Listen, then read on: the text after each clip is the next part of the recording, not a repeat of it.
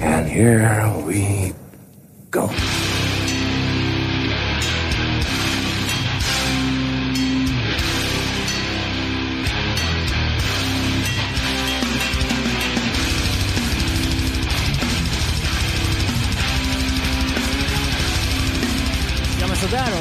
Avsnitt 103 av Nere på Noll podcast. Fan det går snabbt från avsnitt 100. Helt plötsligt sitter vi här tre avsnitt senare. Eh, jag, Robin Lindblad, tillsammans med David Olsson, Tja, tja. Danne Nätterdal. Stark idag.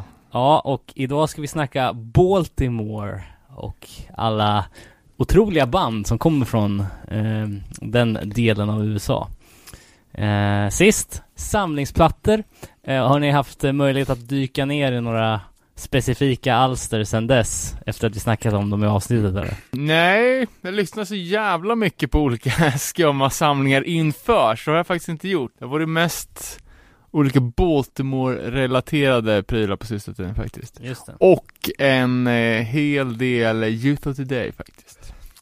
Ja, fan jag har också lyssnat mycket på. Undrar hur mycket deras streams går upp när de annonserar såna grejer. Om man, man ser statistiken så här regionalt, att det tokpikar. Pikar i Norden liksom.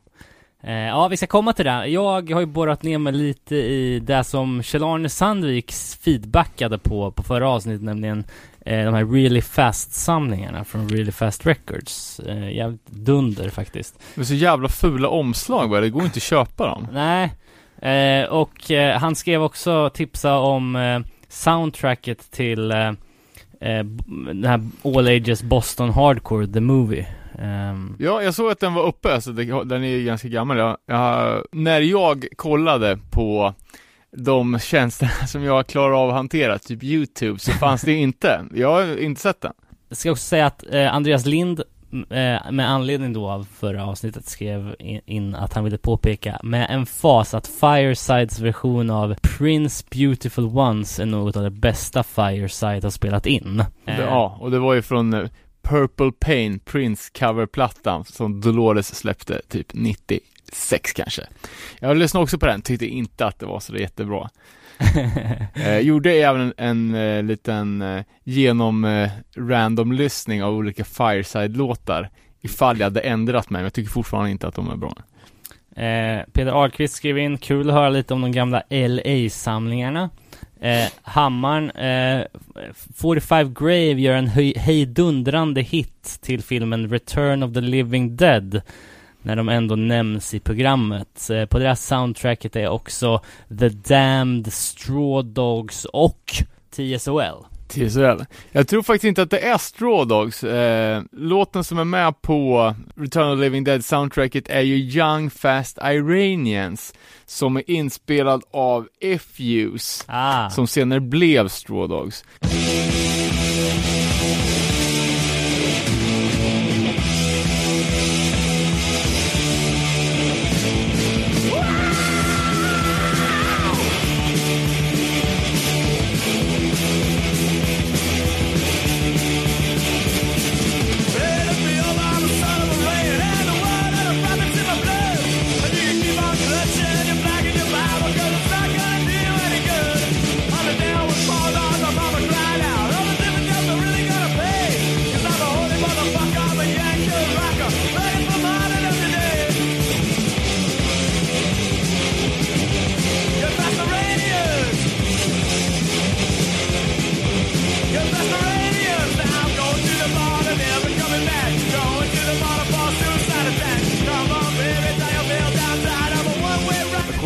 Det soundtracket och den låten är inte ens med på den, det fysiska släppet. Men när den hamnade på Spotify så, så var den låten med helt plötsligt. okej. Men är det med i filmen? Ja, det lär den ju ska vara. Fast den klarar inte hamna på, på soundtracket.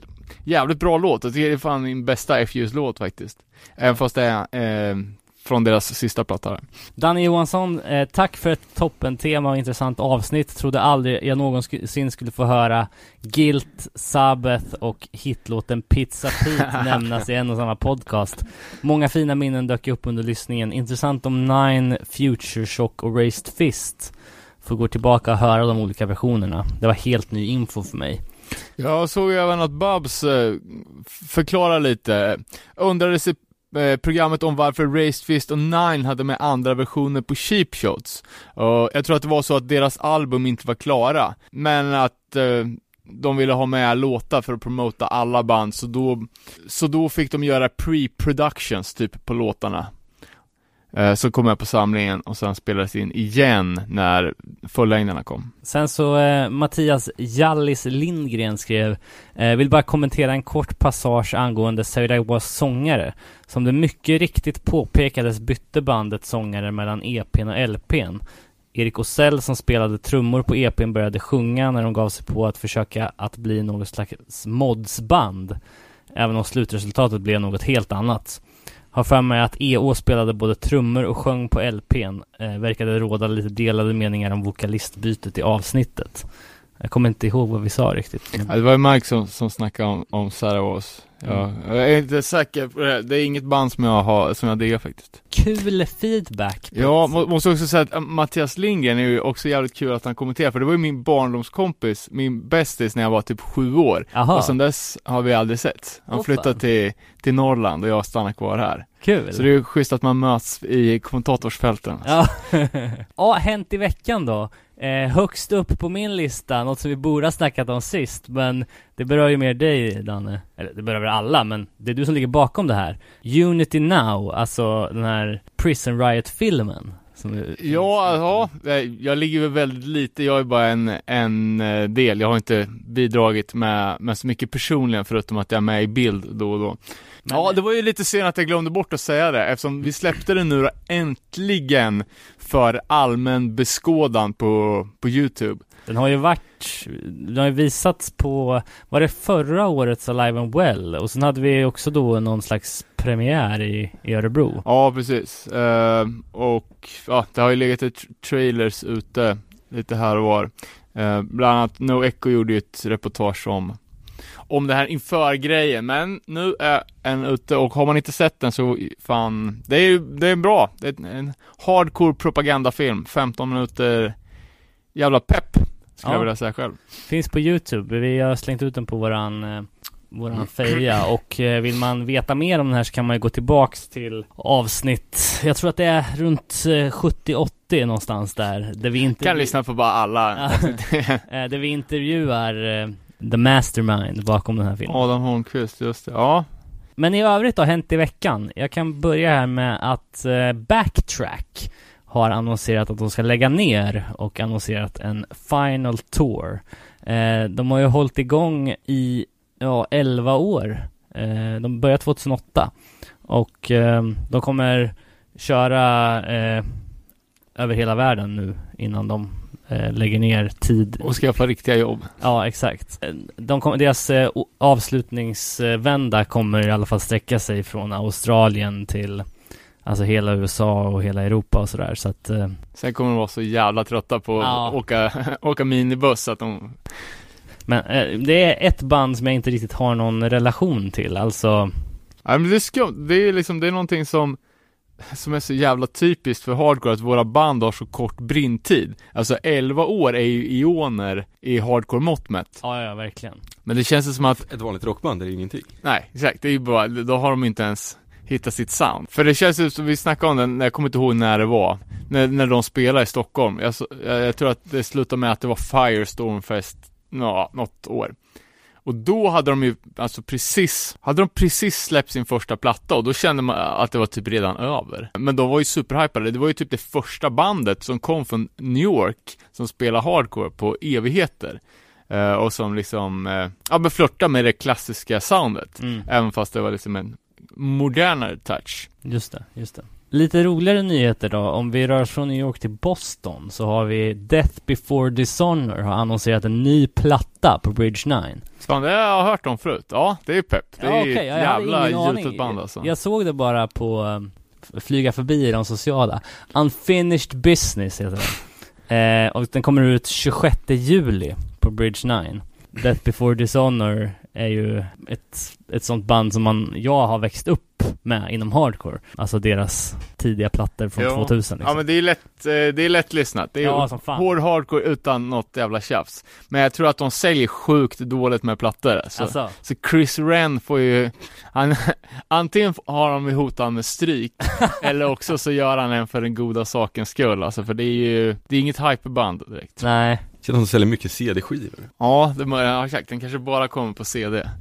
Jag såg att ett av punkens mest hårt turnerande band, Poison Idea, har bökat runt lite i line-upen. Eh, Det kom ut eh, i veckan här att eh, trubbel i bandet. De skriver så här. Konstigt. De- statementet som de släppte var Due to family commitments, job schedules or swelling of the head slash ego, all of the old guitarists are out of the picture. Är det Jerry A som skriver det eller? Eh, ja, det var deras, på deras Facebook, men eh, eh, Jerry A är ju kvar i bandet. Eh, nya line-upen är Jerry A, Chris Carey, Jeff Walter, Chris Cuthbert and Andrew Stromstad. Hmm. Eh, men men eh, ja, de, de har ju de har ju turnerat stenhårt sen de släppte den här Confuse and Conquer 2015. Som den senaste, men ehm, Ja, fan de släppte ju eh, deras absolut bästa platta. Eh, Feel the Darkness på någon sorts eh, dubbel-LP edition med, eh, var det inte såhär, alternativa tagningar på låtarna som bonus? okej. Vill man ju ha, men kostar ju skjortan att beställa så att, Ja, Var det, inte, var det inte svårt att få tag i den eller något? Att ja, det var ju som, som vanligt att det kostar sig 400 spänn i frakt. Så man får vänta tills den kommer begagnat från Europa. Eh, apropå gamla punkare då.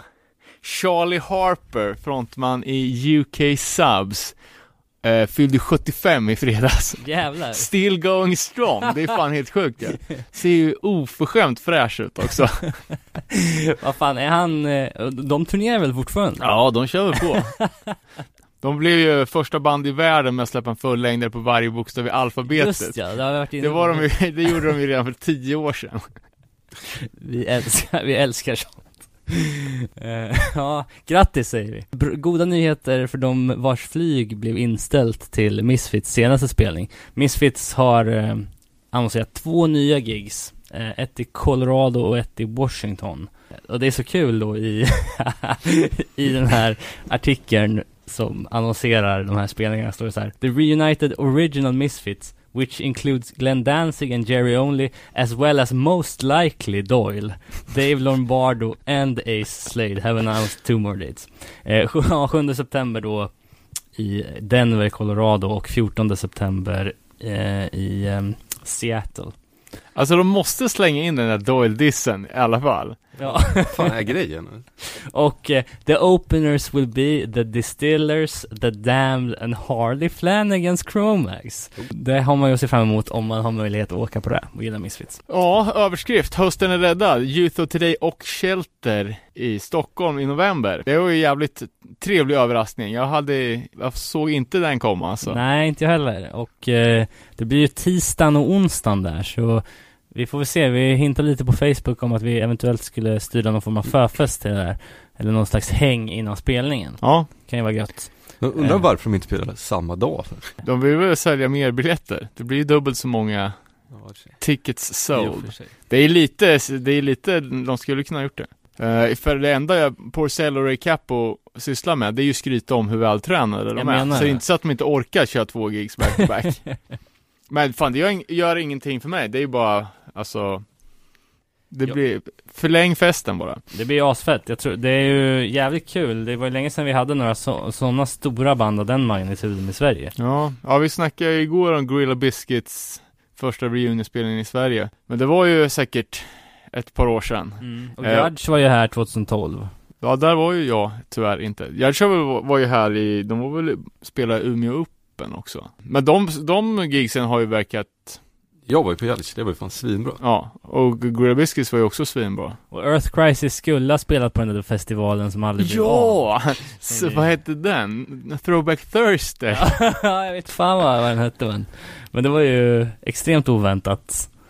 Eh, men inte så oväntat att den inte blev av. Nej, ja, det var ju jävligt skumt. Skumt. Eh, ja, jag kör min en ding ding värld här igen då. Tre, tre eh, halvsjuka grejer. Först då. The Shape of Ska Punk to Come. Eh, det är alltså en, en, eh, en ny compilation eh, av Bad Time Records eh, som, eh, som släpps då. Det är ju då en, eh, en ska, ska compilation. Eh, roligt då att de har bitat omslaget och namnet rakt av där från Refused. Eh, Som också har snott av någonting dock tror jag. Ja, okej, okej. The Shape of Jazz to Come var väl det första. Men eh, ja, det är ju inga direkta band man Är du känner peppad, igen på Nej, jag tyckte bara att det var kul att de hade slängt in eh, massa saxofoner på omslaget eh, i de här små rutorna. Nästa då. Man frågar sig ju ibland hur stort är opioidmissbruket i USA egentligen? Det är väldigt stort. Så pass stort att eh, festivalen Punk Island har, ska ge så här, eh, mellan seten på banden så ska de ge föreläsningar om hur man motverkar opioidmissbruk. Vad är det, gräs eller? Eh, nej, det är Heroin? ju eh, tabletter va? Är det inte det? Ja, det är väl i olika former. Ja, Ja, jag tror det som är problemet är ju att de har förskrivit ut, ah, de har ju fri, total fri apoteksmarknad, så de har ju, läkemedelslobbyn har ju förhandlat bort alla varningstexter och skit som var, alltså verkligen starka smärtstillande tabletter fick man bara använda under en kort period. just det. Men det lyckades de förhandla bort, så att då fick man ju, kunde de ju skriva ut det hur mycket som helst. Ah. Och det gjorde att alla blev beroende, och sen tror jag att de ändrade lagarna, så att det blev svårare att få det på recept. Och då var alla redan beroende av morfin, och så började de köra heroin med spruta direkt. Och det är ju jättestort. Vi kommer komma till det när vi snackar Baltimore, för det är ett ställe där det är riktigt illa. Och sen så sista då. Det är nu officiellt att man sitter i kylskåpet max 10 månader. Inte mer eller mindre. Och det här knyter då tillbaka till det som, eh, som inträffade för ungefär ett år sedan när Fat Mike, NoFX, gjorde de här eh, kommentarerna eh, på Punk Rock Bowling. Eh, Att det bara var countryfans som hade blivit skjutna i Las ja, Vegas. exakt. Och det gick ju då ut över deras Punk in Drublic fest som de hade annonserat i USA. Skulle köra en massa datum. Som de sen sket i, men flyttade till Europa. Ja, kör, har kört nu några datum under våren. Men nu är det alltså... Ja, de kör väl nu i helgen i, i England bland Ja, annat. precis. Men nu har det alltså annonserat It's coming back to America. Kul. De har ju aldrig börjat, de har ju aldrig varit där från början. Så. att- Men First stop Portland, fredagen den 12 juli. Ja, första datumet där. Så att, eh, ja, kul för Fat Mike, kul för NoFX. Eh, ha- halvkul för, eh, för resten av oss. Eh, var Ja, det. vad fan, vi kastar väl oss rakt in i, eh, i smeten helt enkelt. Baltimore Hardcore. Morning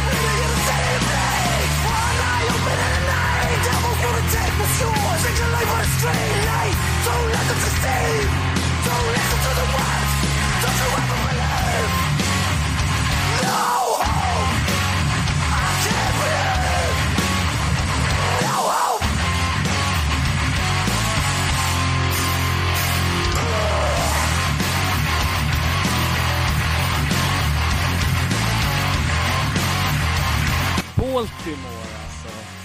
Detta östkust-mecka eh, som vi ska prata om idag och eh, det är ju lite en stad av firsts har jag eh, lärt mig. Alltså det sak saker sker för första gången på alla små grejer här. Första paraplyfabriken i USA, eh, första postkontoret i USA, första luftballongen steg ur Baltimores hamn och eh, första blodutgjutelsen i The Civil War var just i Baltimore.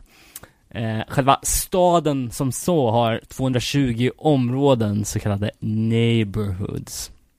Eh, och intressant också att nationalsången Am- Amerikas, eller USAs nationalsång skrevs i Baltimore under kriget 1812.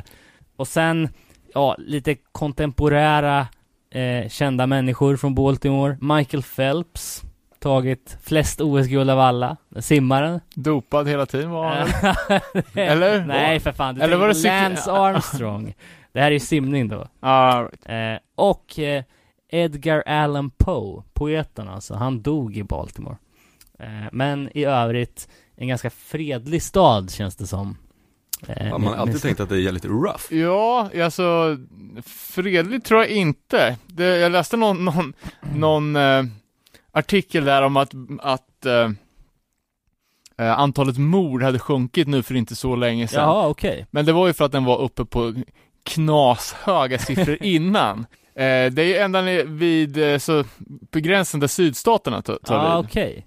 Då förstår jag. För att när man googlar Baltimore så var det så jävla mycket så här. Come visit, bla bla bla, great eh, holiday eh, Ja. spot och sådär. Jag bara, men fan, då kan det inte vara, det kan inte vara Chicago-nivåer på pang-panget. Men det är det, har det alltså varit. Ja, och vi snackar ju om opioidkrisen och det är ju en grej som är, det är fucked i Baltimore på riktigt. Eh, den amerikanska, det är väl hälsovårdsmyndigheten kanske, DEA, släppte ju en rapport och där beräknades det att 10% av hela befolkningen i Baltimore, staden med 600 000 invånare, var beroende av heroin. Och jävlar. Alltså Det är 10, fan helt sjukt. 10% barn, gamla, män, kvinnor, 10%, en av tio. Det är ju Fy fan vad sjukt. det är ju, det, alltså det går inte att jämföra med någonting man ens har hört talas om. Nej, precis. Det är väl lite ur en hardcore-kontext. Det har varit ganska svårt att hitta information om, alltså om den här tiden. Mycket av det som, eh, som utspelade sig i Baltimore Hardcores äldre historia var ju eh, ganska dåligt dokumenterade, ja, i, liksom före internets tid och en ganska liten scen. Mm. Eh, Men en sak som man alltid läser om är ju att det var jävligt mycket våld eh, och att det var jävligt mycket nazis. Och att de banden som, som var aktiva under 80 och 90-talet, att de tog jävligt lite skit. Och att det var mycket fightas med nazis på, före och efter gigsen. Eh, så det verkar ha varit ett ganska rufft ställe. Eh, det är ju en, ja men en riktig working class industristad liksom. Mm. Men också just för att det har varit så rough så har det ju då också gett upphov till jävligt många bra band från regionen, inte minst Next Step Up och Ja, men jag tror att det, går nästan som en röd tråd genom alla band eh, fram till dags datum när det finns en lite större mångfald liksom. Mm. Men att alla de gamla banden har varit jävligt roa. Eh, och Baltimores, alltså hardcore historia, det, det är ju väldigt mycket upphängt på ett ytterst litet fåtal band. mm, mm.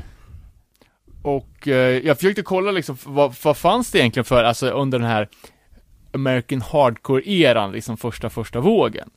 Eh, och det enda bandet typ som jag hittade eh, var ett band som heter Law and Order, Mhm. eh, döpta efter det svenska fanzinet. Som var jävligt feta faktiskt, jag hade aldrig talat om dem tidigare. De släppte en, en sjua redan 81. Eh, Anything but the Critics Choice, en 12 eh, låtars EP från, från 1981 och alltså eh, som påminner ganska mycket om Negative Approach. Mhm. Eh, fast det är då tidigare än Negative Ja, exakt. Eh, Men sen är det fan ganska, ganska snålt med, med band. Det första bandet som, som sätter Baltimore på kartan är bandet Gut Instinct. Som är fan ett personligt favoritband av mig, måste jag säga. Jävligt hårt bandnamn också alltså. Ja, det är ju ett, ett, eh, ett jävla hårt gäng helt enkelt. Eh, De kör ju alltså mycket på den här skinhead slash graffiti hardcore-viben. Jävligt, alltså jävligt snygg estetik. Mm. Eh, De släppte en, en demokassett som heter Rage and Fury som kom ut 89. Och, alltså, tänk liksom old school hardcore i stil med Confront. Mm. Eh, jävligt mycket attityd, mycket gung och så ett jävligt, eller så här riktigt ettrigt oj-trumspel.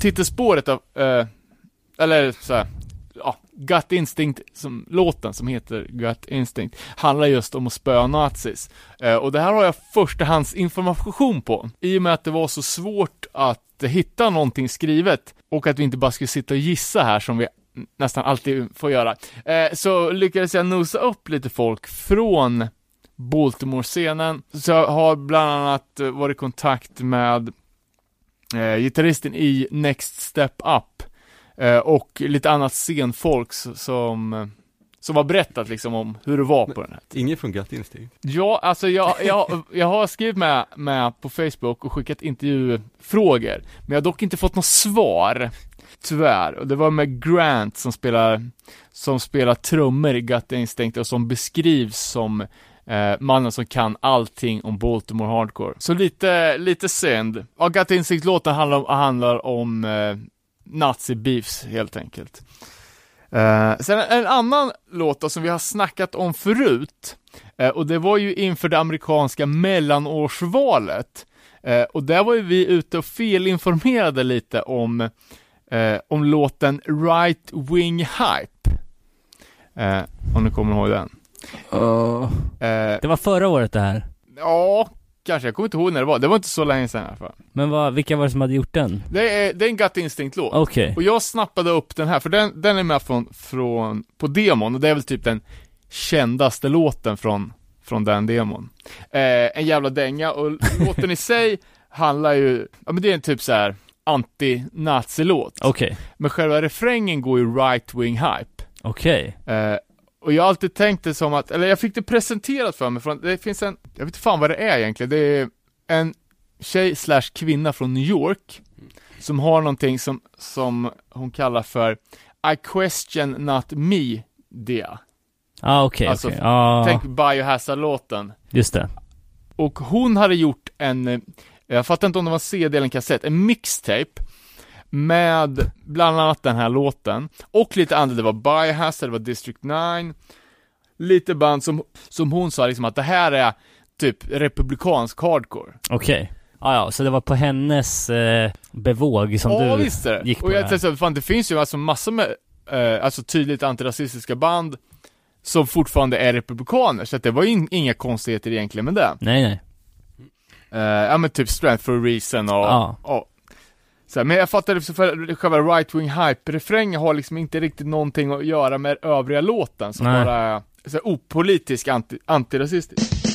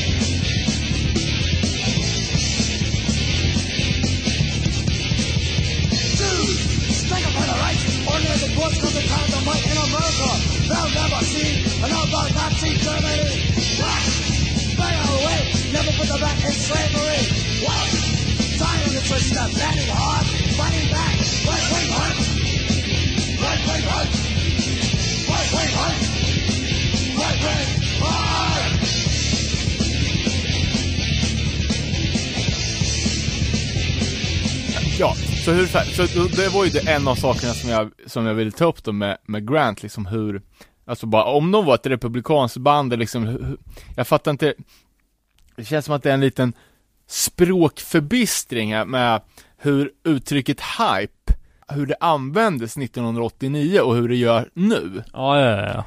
Men jag fick i alla fall tag på en snubbe som heter Dave Brown, eh, som är från, från Baltimore-regionen som var liksom deras, ah, en, en scensnubbe som, som har gjort, han har gjort fl- flera fotoböcker från, från klubbarna i DC och eh, Baltimore. Um, har bolaget Vicious Circle Records, som har släppt bland annat Gut Instincts eh, diskografi-CD, och massa andra coola grejer. Eh, Så jag fick ju fråga honom som sista utväg. Och han sa bara, nej nej men alltså låten, låten eh, och själva titeln ha- handlar liksom att hype är någonting som är, någonting som är lite överdrivet. Alltså som att de har tagit höger, ja, de har tagit hög, right wing för långt. Ja, ja. Och det är inte att de hypar och att den här tjejen då från New York som gjorde den här bootleg-grejen, att antingen bara hitta på eller också har hon också missförstått. ja. Eh, Kanske lätt gjort om man är en annan generation liksom. Ja. Eh, och en annan då, s- missförstånd grej. Vi, vi, vi la ju upp en liten hype-bild på, eh, på, från avsnittet på just Gut Instinct, eh, när de står framför en hakkorsflagga. Eh, lite clickbait där. bild. Ja, och det var ju då, bandet har ju blivit bokade till en klubbspelning och när de väl dyker upp så är det på en naziklubb. Och backdropen är en stor s- svastika-flagga, liksom tysk. Ja. Eh, Två i bandet i svarta också. Ja, precis. Så att jag tror att eh, det blir liksom, ja, kanske den där right-wing hype-grejen att eh, de har trott att det var ett naziband som han hade bokat. Eh, så de kommer dit, eh, typ tar en rolig selfie och garvar framför flaggan och sen så drar de hem liksom. Jävligt sjukt. Men eh, är de aktiva idag fortfarande, Gut Instinct? Jag tror de, jag tror de kör lite reunions här, här och där. De släppte ju eh, 2006 tror jag det var, när de gjorde komp- komp-CD eh, med allt deras material. I, innan det så, så släppte, eller när de var, när de var som mest aktiva, så släppte de en skiva som heter Disturbing the Peace. Och nu har de liksom ett ännu råare sound. Alltså det här är 1990, det fanns inte så här riktigt, det här är liksom så här proto East Coast Tough Guy Hardcore. Oh jävlar. Eh, det är liksom, eh, det är jävligt höga trummor, så att det blir liksom jävla puls. Och sen, alltså, trummor och, och, och sång ligger jävligt högt i mixen. Och sången är, den är lite galen, inte kakmonstret, men lite såhär wow. Aha, okej. S- samtidigt som att det är jävligt korta och lite, lite woof woofiga körer. Som, eh, alltså det bara skriker attityd. Fett. Eh, och gi- gitarrerna liksom, ligger liksom mest som bara sågar i, i bakgrunden. Eh, och skivan heter Disturbing the Peace. Eh, och släpptes på ett bolag som inte vet så mycket om faktiskt. Cornerstone Productions. Okej. Eh, och Cornerstone, de släppte bara två grejer.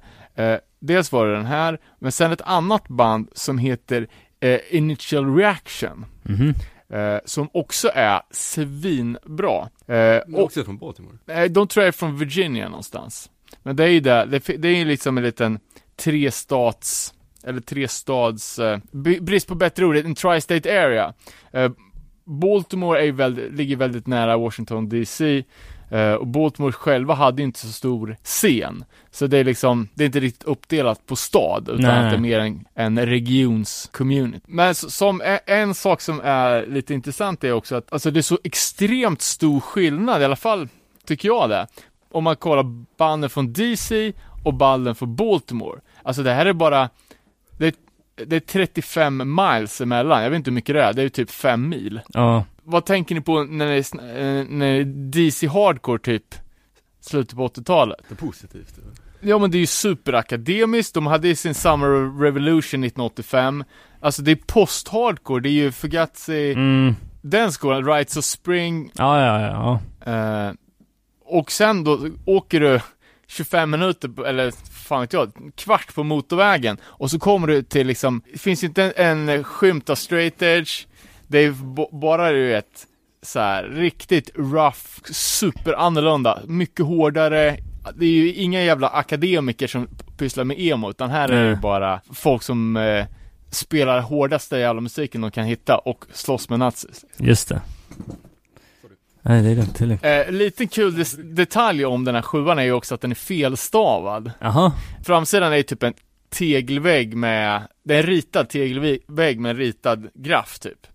Eh, och då istället för gut instinct så står det gut insikt. Aha. Man har missat en bokstav. Är den dyr eller? Nej, någon hundring.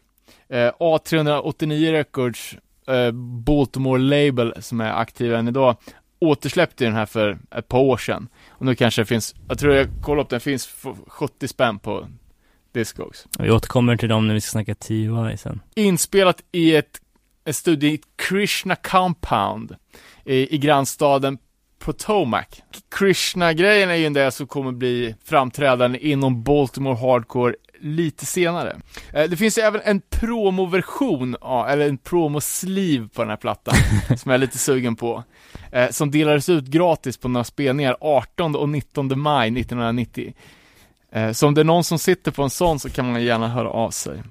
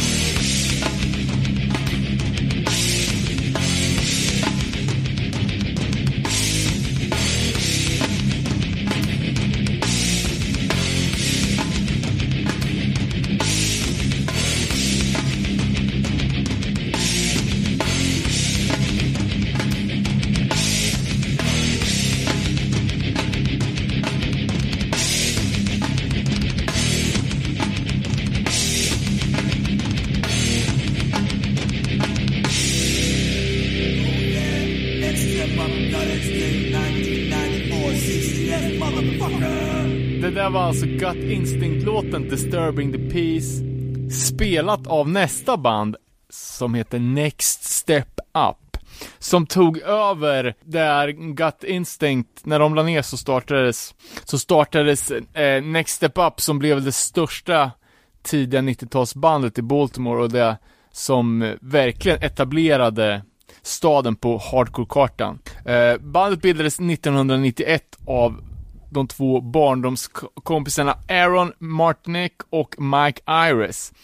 Eh, som hade spelat ihop i massa olika, ja, typ ungdomsband. Eh, Morbid Tales, Tales of Death var deras första band, eh, som de spelade med på en talangjakt i åttan. De hade lite olika projekt på gång. 91 då startade de Next Step Up och då hade de en tydlig ambition med att de skulle vara det hårdaste bandet, både textmässigt och musikaliskt. De var ju svårt inspirerade av lokala bandet Gut Instinct som, som lite också var ute på, på samma, på samma spår. Eh, efter en kort sväng med med en annan sångare rekryteras en kille som heter Jerry Glass, som jobbar som bokare på, ah, som satte upp de lokala hardcore-spelningarna helt enkelt. De har haft jävligt mycket medlemsbyten fram och tillbaka, så från den punkten så är det bara Jerry Glass som är konstant medlem fram tills dagsdatum. De kommer ju till Europa för några eh, one-off-spelningar nu i höst.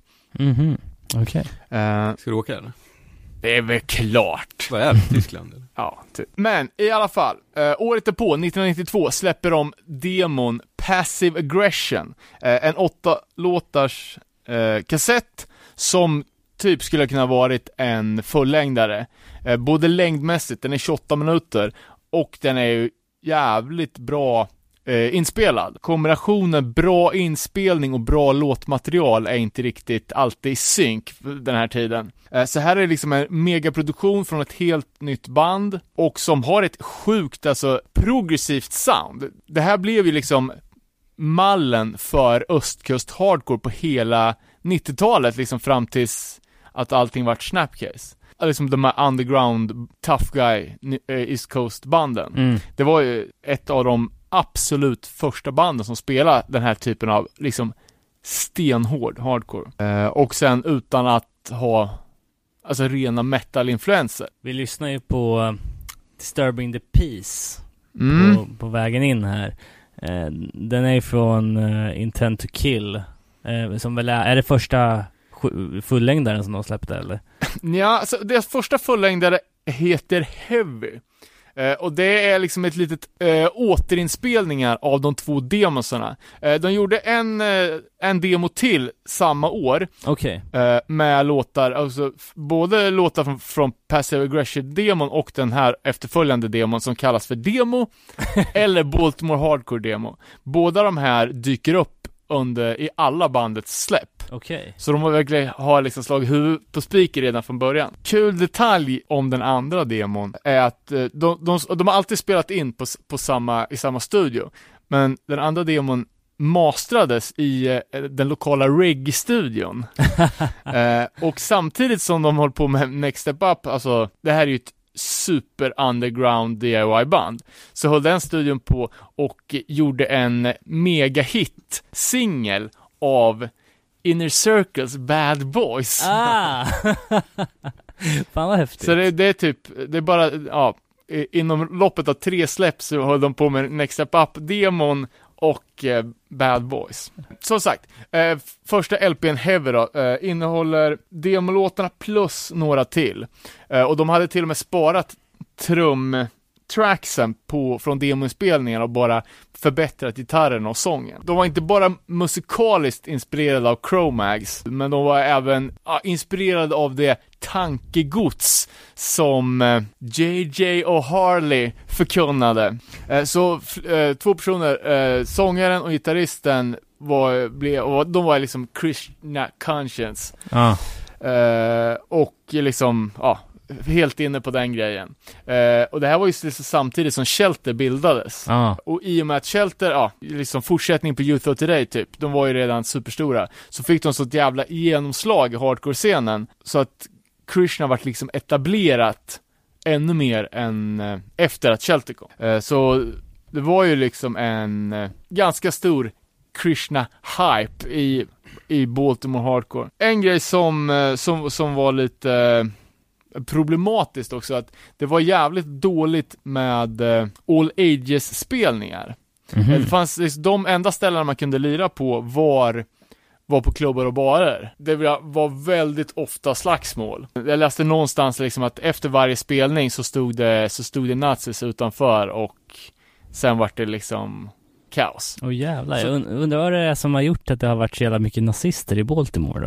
Ja, jag vet inte. Det är ju, ja och, och problemet, eller problemet, alltså på, på den tiden var det ju också liksom en helt annan nivå på, på nazis. Mm. Liksom, nu är det en sån här alt-right kostymnisse som, som håller på att göra roliga memes på internet. Ja. Då var det ju bara liksom street-huliganer som bara var ute för att döda folk. Men det här ledde ju till att, eh, att alla klubbar som hade satt upp hardcore-spelningar portade hardcore-band. Mm. Så ett tag så fanns det inga ställen att spela hardcore på i, i Baltimore. Åh fan, hur löste de det då? Ja, då fick jag ju resa runt. Ah, Okej. Man läser liksom olika korta skildringar liksom. Eh, och vissa, vissa säger så bara att ah, det fanns ingen hardcore-scen överhuvudtaget i Baltimore. Uh, Next Step Up sjunger ju själva i en låt liksom att At its pinnacle our scene was the best. Ja, Så jag vet, jag vet inte riktigt vad, vad man ska tro. det är några grejer som eh, gjorde, i alla fall jag tycker, Next Step Up så jävla hårda. Det var ju just det här tidiga införandet av, jag vet inte om det är exakt det eller vad det har blivit, men de kör ju den här Old English-fonten på, på bandloggan liksom. I alla fall på Intent to Kill. Eh, och det är också intressant där, för vi lyssnar ju på Gut Instinct covern Disturbing the Peace. Det är också, öppningsspåret heter ju Nishinga på den här. Eh, och det är ju någonting som Trapped Under Ice gör en callback till i låten Skeleton Heads på Stay Cold 7 från 2008. Eh, och Nzinga, är ganska, för jag, jag, det kanske jag inte har sagt, att jag, gjort, jag har gjort en, eh, en, en Next Step Up-intervju, Ah, eh, som kommer komma ut på hardcoresverige.nu inom en väldigt snar framtid. Eh, förhoppningsvis när det här avsnittet snittet är färdigt klippt och klart så kommer det finnas en krönika och hela oh, originalintervjun i sin helhet med grundande medlemmen Aaron Martinek. fett. Som fan, jävligt kul. Han var superpeppad på hela, hela grejen. Så fick jävligt mycket mat nyttigt därifrån. Det är bra för dem att lägga foundation nu när de ska till Europa i höst.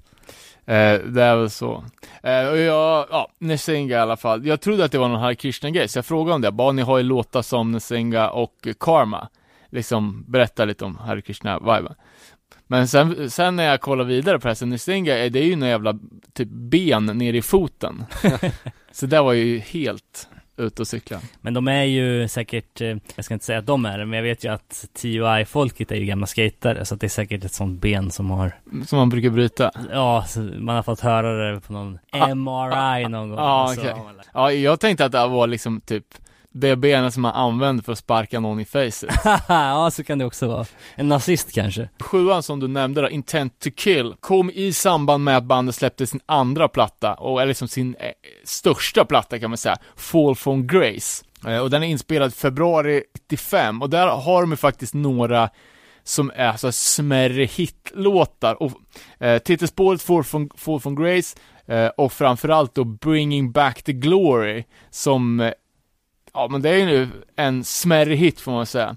Jag tror den har varit med på någon sån här Back to Basics fan heter Rick to Life samlingsserie?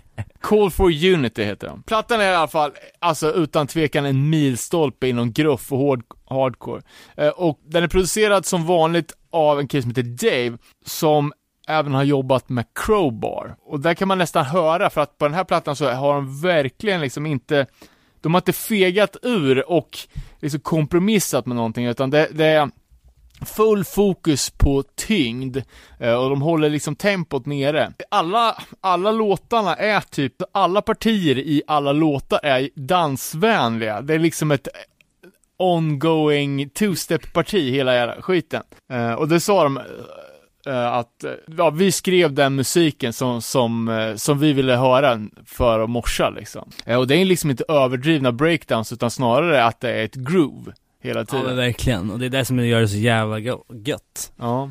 Och sen också att, alltså de har så jävla, alla, alla refränger är typ så död, odödliga anthems. Det liksom blir, ja, så det är väldigt så här hookigt. Ja, Ja, alltså ljudmässigt, så det, det går liksom, för många 90-talsgrejer så hör man ju verkligen att det här kommer från en viss tidsperiod. Den här skulle ju kunna ha varit släppt i år. ja, ja, ja. Eh, Lite sen burkgruffljud är det ju.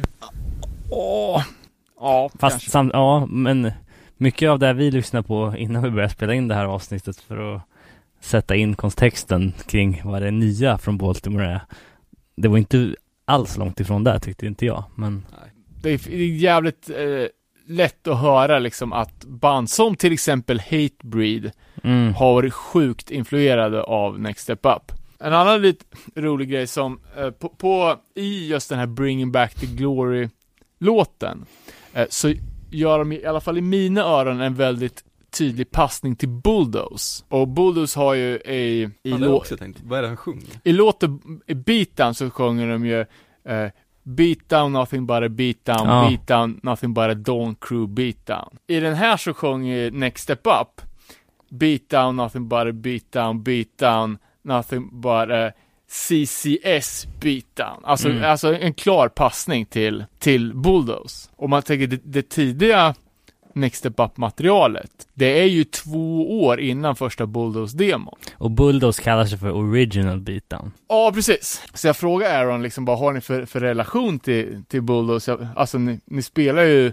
väldigt snarlik musik, men Bulldoze har ju alltid liksom varit, okej, de kanske myntar beatdown-begreppet, men på, alltså på den tiden så fanns, så var det ju, beatdown var ju en låt, det var inte en musikstil. Men eh, eh, i alla fall att, att de är så extremt lika på, på stilen och att Bulldoze alltid får, får credden för att vara först.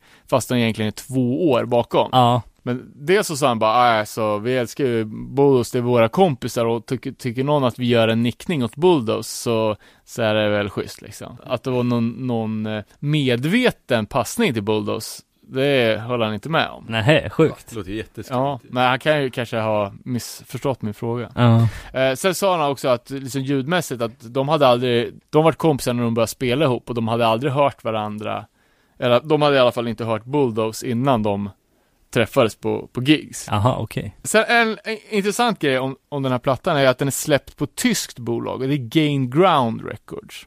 Jaha, De har typ släppt allt med dem. Ja, förutom första LPn. Eh, Och lite senare CD-prylar. Eh, Men det här Gr- Ground- Records är- ett jävligt solidt bolag. Ett tyst bolag som bara har släppt eh, amerikansk hård hardcore. okej. Släppte första LP med Fury 5, de släppte första LP med All Out War. Men det finns liksom ingenting offentligt om det här bolaget. Okej. Jag har aldrig läst en intervju. Jag har hö- hört en gång att någon hette Mario. eh, och Aaron nämnde att det var någon som hette Tobias. Mhm. Men det finns liksom ingen hemsida, finns ingen information någonstans.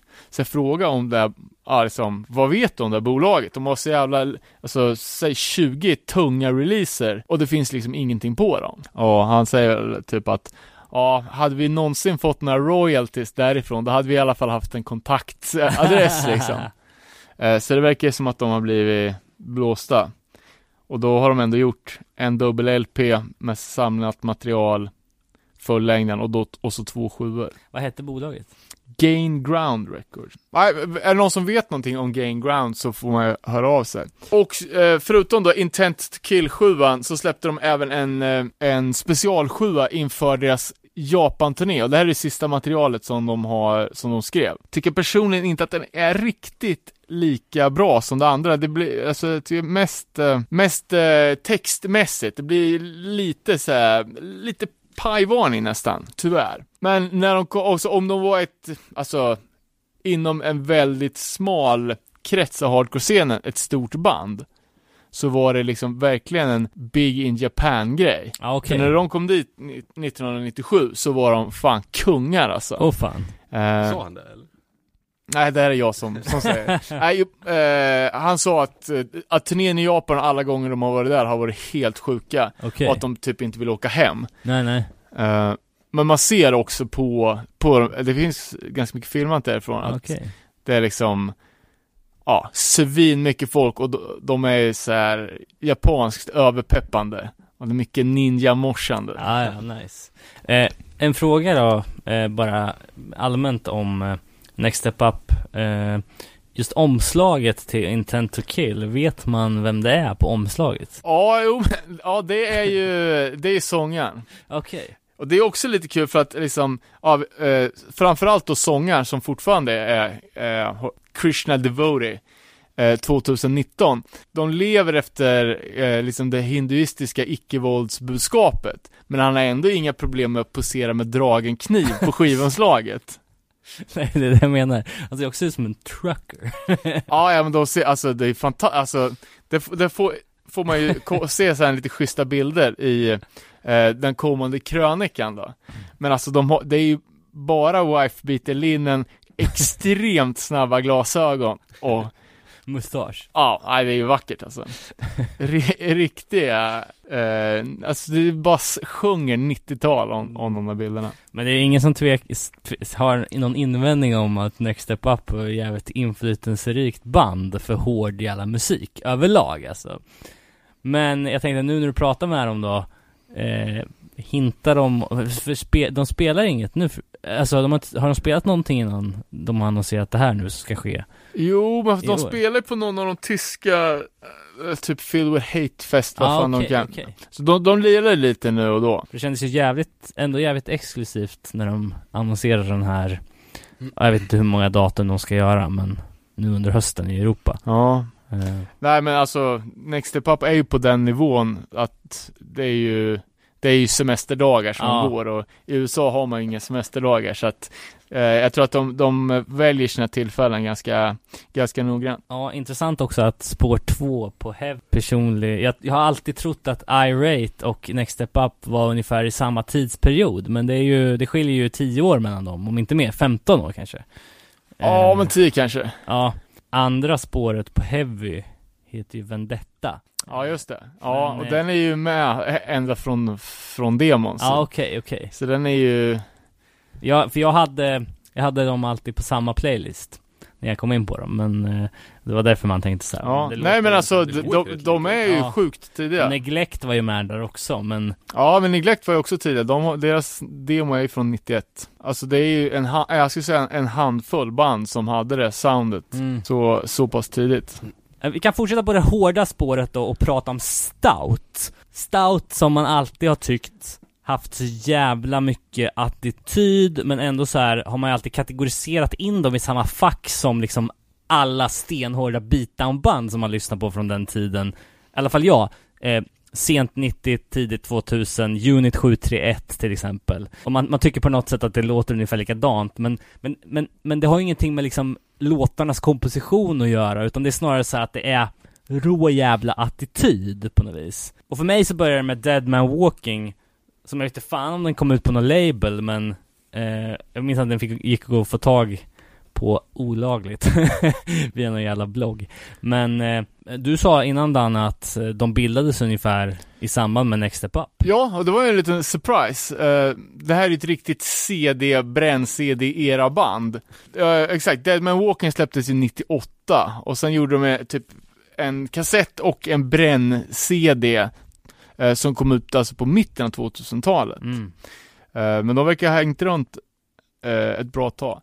Och exakt, det som gör, det som gör Stout till, ja fan, är så jävla oslagbart hårt i alla band, det är ju liksom deras framtoning, så att säga sången och sångaren Thaddeus Stamps, eller Tad.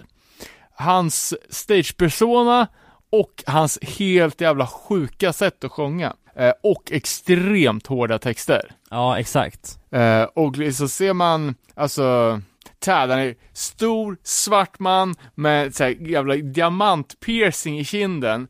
Och man ser live liksom, han rör sig knappt. Nej. Han bara så här, tittar på publiken och bara utgjuter skräck i folk. Samtidigt som basisten ser ut som en mattelärare och trummisen ser ut som att han spelar i Cockney Rejects. Eh, det finns en bra födelsedagsfestspelning på Youtube från typ 2012. Eh, ja, men då är de ju lite åldrade också. ja. Eh, men det finns, det finns ju mycket klipp och de är ju jävla crossband alltså. Eh, Du har ju sett dem på TV. på TV live. Just det. men, men det är ju, det är kul för att det här är ju ett band som har jävligt mycket Europa connection. Alltså i det att de har varit jävligt mycket i England och i Ja. Europa och spelat liksom under den här primetime-eran för tung hardcore i Europa. Ja, nej men det var ju eh, Vad heter det? Ruction? Ruction Mm. Records, de släppte ju eh, sin första riktiga platta som heter GM, vad fan heter den? NGMF. NGNF. Som, som först kom ut på ett bolag som heter Cornerstone Records. Kan det vara samma som Cornerstone Productions, en, en förlängning? Eh, men det är ju liksom, alltså det här är ju gruff. Deluxe. Det är inte beatdown, det är bara gruff. Och det har jag inte riktigt tänkt på tidigare, men jag har suttit och läst lite stout-texter på sista tiden. Och de är jävligt mörka. Alla låtar i princip handlar ju om våld.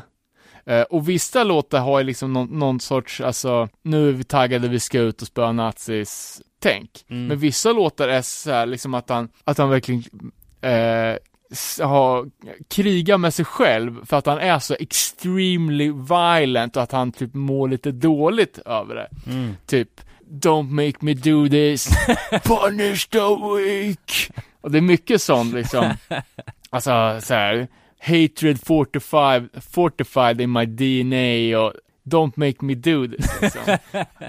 Eh, Så att det, det blir så ett, helt annat mörker liksom att han beskriver hur han liksom bara nu, nu har alla, alla jävla Spärrar, spärrar ja. bara raderats ut. Men, och, och det är också det som är eh, liksom, det bygger ju, bygger på så himla bra. Det behövs liksom inga coola gitarrer eller, eller häftiga solon eller tunga eh, breakdowns liksom för att lyfta det här utan, utan det gruffas på ordentligt med sådana där jävligt mörka texter och då, då blir det ju vev. You think you're big time? You're gonna fucking die big time! Here comes the pain!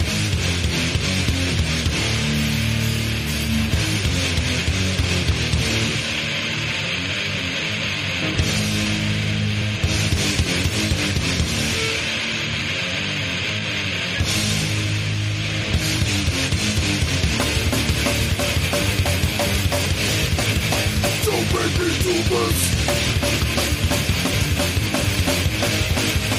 Don't make me do this!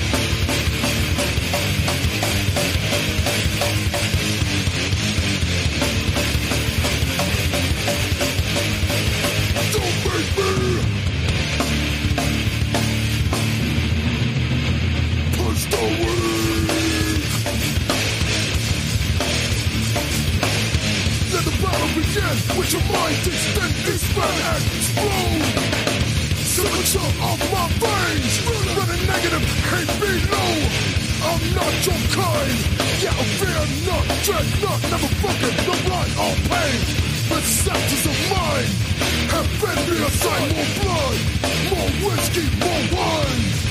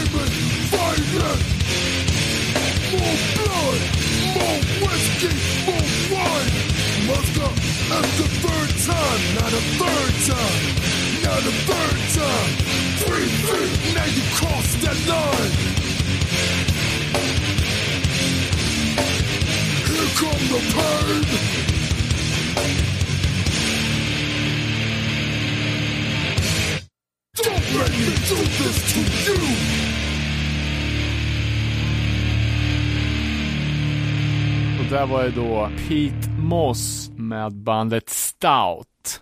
Eh, och jag har alltid liksom trott att Pete Moss, det var en snubbe som de ville döda. ja, exakt. Men det är ju mer utstuderat än så, för det, är, det stavas ju P-E-A-T.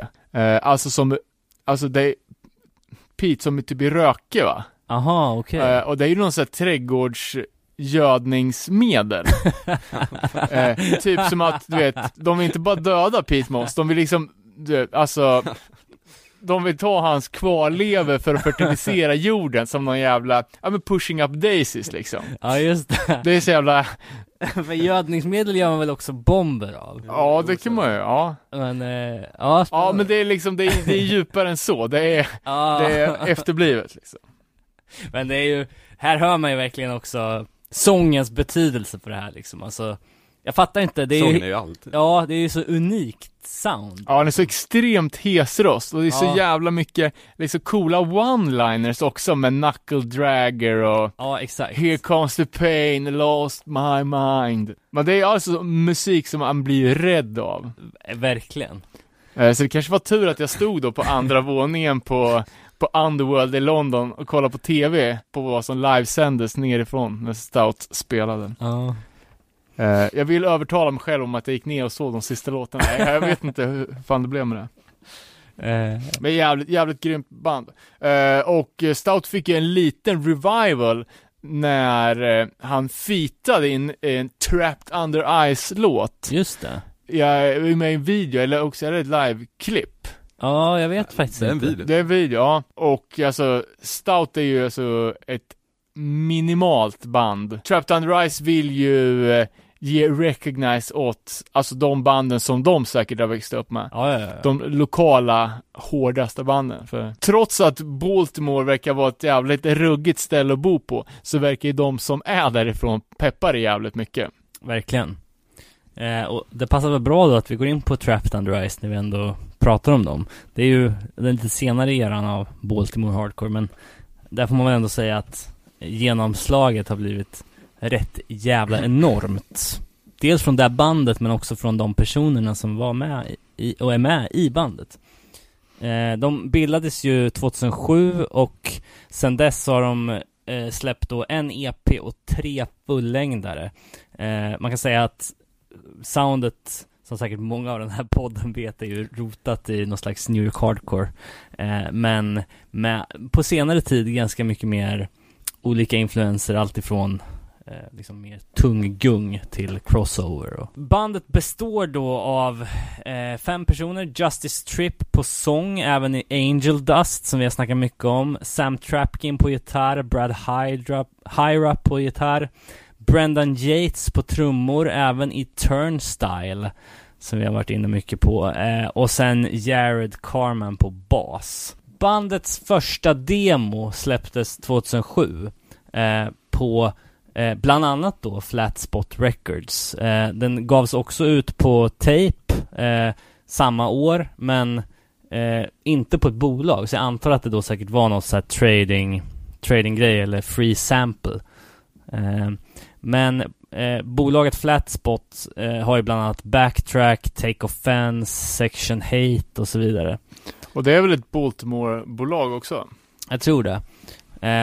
Och det är ju jävligt kul för att eh, på den här första demon så har de ju låtar som de sen kommer att återsläppa i olika sammanhang och spela in igen. Men det är fem spår. På A-sidan hittar vi Soulwise, Reality Unfolds och Evelyn och på B-sidan ligger Unfinished Business och Heavy Thoughts. Eh, och det är ju typ de bästa. fortfarande ja. Alltså, Soulwise slash Reality Unfolds är ju jävla bra alltså. Ja. Jag tycker man hittar jävligt mycket breakdown och cold world-vibbar i det här tidiga materialet liksom. Men, eh, men med lite mer tyng, tyngre breakdowns liksom. Ja. Jag kollar faktiskt på, de, de har ju släppt eh, lite olika, av olika kvalitet musikvideos, bland annat på, på Soulwise Reality Unfolds. Ja, Eh, det är så, lite ska att det är så jävla mycket svinigt beteende. ja, Typ som att de inte bryr sig. precis. Svinigt? nej men, eh, ja men det är ju så här, det, det sups, det röks på, eh, tjejer som visar tuttarna, de zoomar in på folks rövar. Alltså, själv hade man ju kanske typ så här, själv censurerat sig, även om man hade velat haft det i sin video, hade man inte vågat för Nej. att man tycker att det är något så här, eh, för i alla fall för en svensk publik så hade det varit lite så här tack och godnatt med den videon. Ja, verkligen. Det har ju varit tack och godnatt för ett par europeiska band också som har försökt sig på den grejen. Eh, Eh, ja. Men låten i sig är ju i alla fall jävligt bra. precis. Eh, tycker framförallt det här jävla släpiga trumspelet. Ja, och alltså det är på, på de första två, dels eh, demon men även Stay Cold 7 som vi ska komma till, så är ju virvelljudet rätt så jävla burkigt. Ja. Nej men jag tycker om också när, när, när de kör ett parti och sen så går de över till dubbelslag på virveln. ja, Eh, så jävla bra. Och framförallt alltså som jag typ nästan skulle vilja kreditera Trapped Under Ice med. Det är ju den här sluddersången. ja, Att man inte har någon sorts, eh, jag vet inte, det är ju liksom, det, sjung, det, alltså, det fraseras på ett sätt som man aldrig skulle prata. nej, ja det är ju helt jävla obegriplig satsbyggnad egentligen. Men så blir jävligt coolt på något sätt. Ja, verkligen. Och efter det så är det ju sjukt många som har det. Tänker ett favoritband från, från Wilkes-Barre är ju Bad, nej, Bad Seed, precis. Ja, just det. Som också körde, var tidiga med den grejen, släpvirveln och sluddersången som också så här, klockrent band. Efter den här demon då så blev det direkt in på Reaper Records. Eh, Stay Cold 7 kom ut där 2008 och där hittar vi sex spår istället för fem då. Eh, på A-sidan Half a Person, Stay Cold, Skeleton Heads. Följt av på B-sidan då Streetlights, Brainwaves och Between the Sheets. Jävligt bra skiva alltså. Ja, Vad tycker vi om artworket då? Eh, Jag tycker det är snyggt. Som en liten påminnelse så är det väl, alltså det ser ut som att, jag, jag tänker ju att det är, alltså det är en, en kan det vara en akvarell ja av, av en is, där liksom ena hörnet börjar smälta upp i isen och där framträder ett öga, Just det. typ. Jag tycker det är snyggt. Ja, jag tycker det är också coolt, och sen att eh, den vinylen jag har i alla fall är i, i, i samma matchande blå kulör, det är jävligt nice produktion. Ah, coolt. Demoomslaget däremot.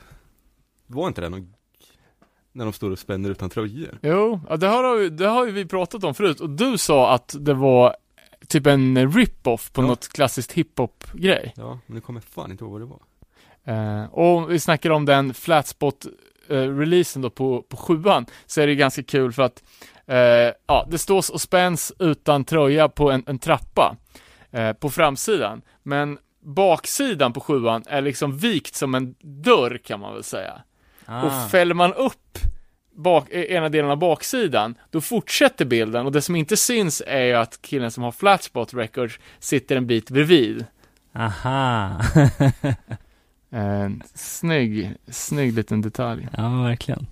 Och eh, jag kommer ihåg, för ungefär samtidigt som den här Stay Cold 7 kom på Reaper, då var det ett annat Baltimore-band som hade gjort eh, jävligt mycket liv av sig på bland annat Death Wish, nämligen Pulling Teeth. Just Eh, det. De hade ju släppt två plattor 2008 tror jag. Eh, och det var lite på den vågen som jag tycker TUI då red in med den här Stay Cold 7 med ganska mycket hype. För det har ju alltid varit så att T- TUI har varit superhypad ända från början av någon jävla anledning. Ja. Eh, Ja, inte men, helt oförtjänt efter en sån stenhård demo men... nej, men också att de, att de gjorde nå- någonting nytt. Ja, precis. Och jag tror framför allt liksom att de kan leverera på hypen. Vi har ju pratat liksom om band som till exempel Gloss, som, som eh, inte, ja det var ju också kul, jag läste det här om dagen. Ja men när, när det blir lite så här historierevisionism får man väl ändå säga. Där det, det skrevs, någon som hade skrivit och lagt upp Gloss, bara "Ah, bandet som eh, som la ner för att de blev frågade av Epitaph att släppa platta och de skulle aldrig sälja ut. Det är lite som det här med att, typ att Pelle Dead skulle ha tagit livet av sig för att black metal-scenen i Norge var posers. Ja, Eh, för så, så, de kanske varit misspeppade av att bolag hörde av sig och ville släppa dem. Men vad jag vet så var anledningen till att Gloss la ner var ju att de inte pallade rent personligen. Att de var för ouppstyrda för att kunna ta bandet till nästa nivå. okej. Och inte att de blev erbjudna sjukkontrakt. Skitsamma. Eh, jo, att de, kan, att de kan leverera på hype. Att de var, de kunde spela sina instrument och att de hade väl fritid nog att göra det fullt ut liksom. Ja, och det är det jag tycker man känner med, för att även om det var en Baltimore-hype i och med Stay Cold-släppet så står den ju ändå på sina egna ben. Och det är också lite annat sound än, än demon. Om demon var mer åt Biohazard-hållet liksom, eh, så är ju det här lite mer riff, riffartat liksom och cleanare. Eh, och mer fokus på riffen och på sången liksom. Bästa låten på den här är ju då Skeleton Heads såklart med sin sin hårda shoutout på slutet som kanske eller kanske inte alluderar till Next Step Up. Eh, Jag har ja. att jag läst att det är så. Ja, okej, okej. Vi bestämmer. Eh, Vi bestämmer att det är så, ja, exakt. Eh, Sen följer de ju upp den med att släppa en split med ett bra jävla band från England som heter Dirty Money. Eh, jävligt oväntat med tanke på att Dirty Money var ju inte jättestora vid den här tiden. Eh, de spelade dock på Nordengården eh, en sväng. Eh, släppte en svinbra skiva som jag inte kommer ihåg vad den heter, men där de har ett självbetitlat spår som heter Dirty Money som är så jävla bra. Bland det bästa som har kommit ur England skulle jag säga. Ja, fan det är coolt, det dök upp lite, alltså parallellt med den här Ruction Records så kom det lite, det var ju On Thin Ice, väl också från England, Mm. och massa band, så, det, bara kom, det var sprutat ut massa konstiga split-sjuor. Mm. Eh, Och det här är ju en av dem då. Eh, släppt på A389 Recordings enligt Wikipedia, men Dead and Gone Records enligt Discogs. Så jag vet inte riktigt. ja, det var ju säkert släppt på båda. Mm. Eh, men det är två låtar av T.O.I. då, Gemini och Death Clock Ticking och sen har Dirty Money, Hollow Shell och 2000, 2007 was a bad year. Bra titel. Eh, ja, de är ju ganska lika i soundet, men TUI, ja, hur mycket ska man prata, prata om att man tävlar mot varandra i en split? Det är ju inte så. Men TUI-låtarna är jävligt mycket eh, bättre. Men eh, temalåtar också, ska jag säga. För det, eh, texten handlar uteslutande om död i det här fallet. Inte, inte så mycket om self-consciousness och så som det var på Stay Cold 7 tidigare. Två bra låtar från TUI på den. Eh, sen då, eh, första fullängdaren eh, på Reaper, Secrets of the World, kom ut 2009. Där har vi då 12 låtar, så det är lite för många för att rada upp här. Men några extrema bangers i form av spår 4, TUI, som har en avslutningsrad som är, heter duga. Öppningsspåret See God är ju också en odödlig banger och American Dreams. När kom den, när, när gjorde de Evelyn reggae-versionen? Vart fanns, vart var den? Eh, Kan det ha varit någon, något gömt spår eller så? Ja. Känns som att man har den på någon skiva. Eller också är den med på, på Stay Cold Ja. också. Men det är ju eh, återigen eh, så uh, när, när den här skivan var på gång, eh, Secrets of the World, så var det ju ett jävla liv både på forum och i olika eh, webbtidningar om att ja, nu ska de släppa den här, det är så jävla mycket tryck på dem liksom, det här kommer bli det bästa sen skivat bröd typ. Eller, eh, och, och samtidigt som eh, det fanns en jävligt stor våg av folk som bara avfärdade bandet och gick in och kommenterade överallt att ja, det är hela mainstream och det är piss och det suger bara för att hypen var så hög liksom. Så fort hype slår igenom inom någon form av subgenre så blir det ju alltid den reaktionen från vissa liksom, mig själv inkluderat många gånger. Jo. Ja men dels också att de har inte så ödmjukt Alltså de framställer sig själva inte så ödmjukt. Liksom med Justice Trips extremt välborstade tandrad liksom och har liksom inte haft en t-shirt på sig någonsin. Eh, då är det ju lätt att folk tycker att man är dryg. Verkligen. Men jag tycker Jag ska de- bara se när vi var på Outbreak Fest när Angel Dust var det som spelade liksom. Man såg när, när han gick runt i publiken liksom innan spelningen. Det var ju så tjejer som svimmat till höger och vänster typ. Killar också kanske. Ja. Men han har ju en jävla persona liksom de här eh, isblå ögonen och alltså eh, liksom A3 stor Jesus tatuering på magen. Bara skriker katolsk liksom. Precis. Eh, men jag tycker ändå de lyckas... Katolsk perversion är vad skriker. Folk vill bli 50 shades of Grey behandlade så fort han träder in i rummet. Eh, ja men jag tycker ändå de lyckas leverera på Secrets of the World. Alltså det, det är ju, de har ju en jävla catchiga låtar alltså. Eh, det är nästan som eh, hiphop-hookar, alltså så här, att de sätter sig i huvudet. Ja, men jag tror alltså, jag tror det är så jävla underskattat att skriva att även hård musik gör refrängbaserade grejer. Ja, Speciellt i dessa tider när man ger saker och ting så jävla liten chans. Då måste man ha någonting som sätter sig. Sen den Gemini-låten är ju är ju också en, eh, måste ju vara en av deras största het, eh, låtar. ja verkligen. Kan vara sista låten på. Eh, omslag då? Någon gammal, eh, ser ut som ett horoskop typ. Mm. Zodiacen med massa skit på. Det ser ut som eller? Exakt. Men det är ju eh, i linje med föregående på ett sätt om man ska prata eh, abstrakta omslag liksom. Ja, ja men det är inte livefoto med eh, Nej, eh, eh, Versity-typsnittet liksom. nej. Och det var väl någon gång efter eh, Secrets of the World som de spelade i Sverige för första gången. Eh, ja, jag funderar på, den var ju lätt släppt. Ja, Eh, spelar de själva? ja det Spelar de var, i Motala? Jag tror det var typ 2012 eller 2011. Så då tror jag Big Kiss Goodnight hade kommit. Men de som spelade på skylten?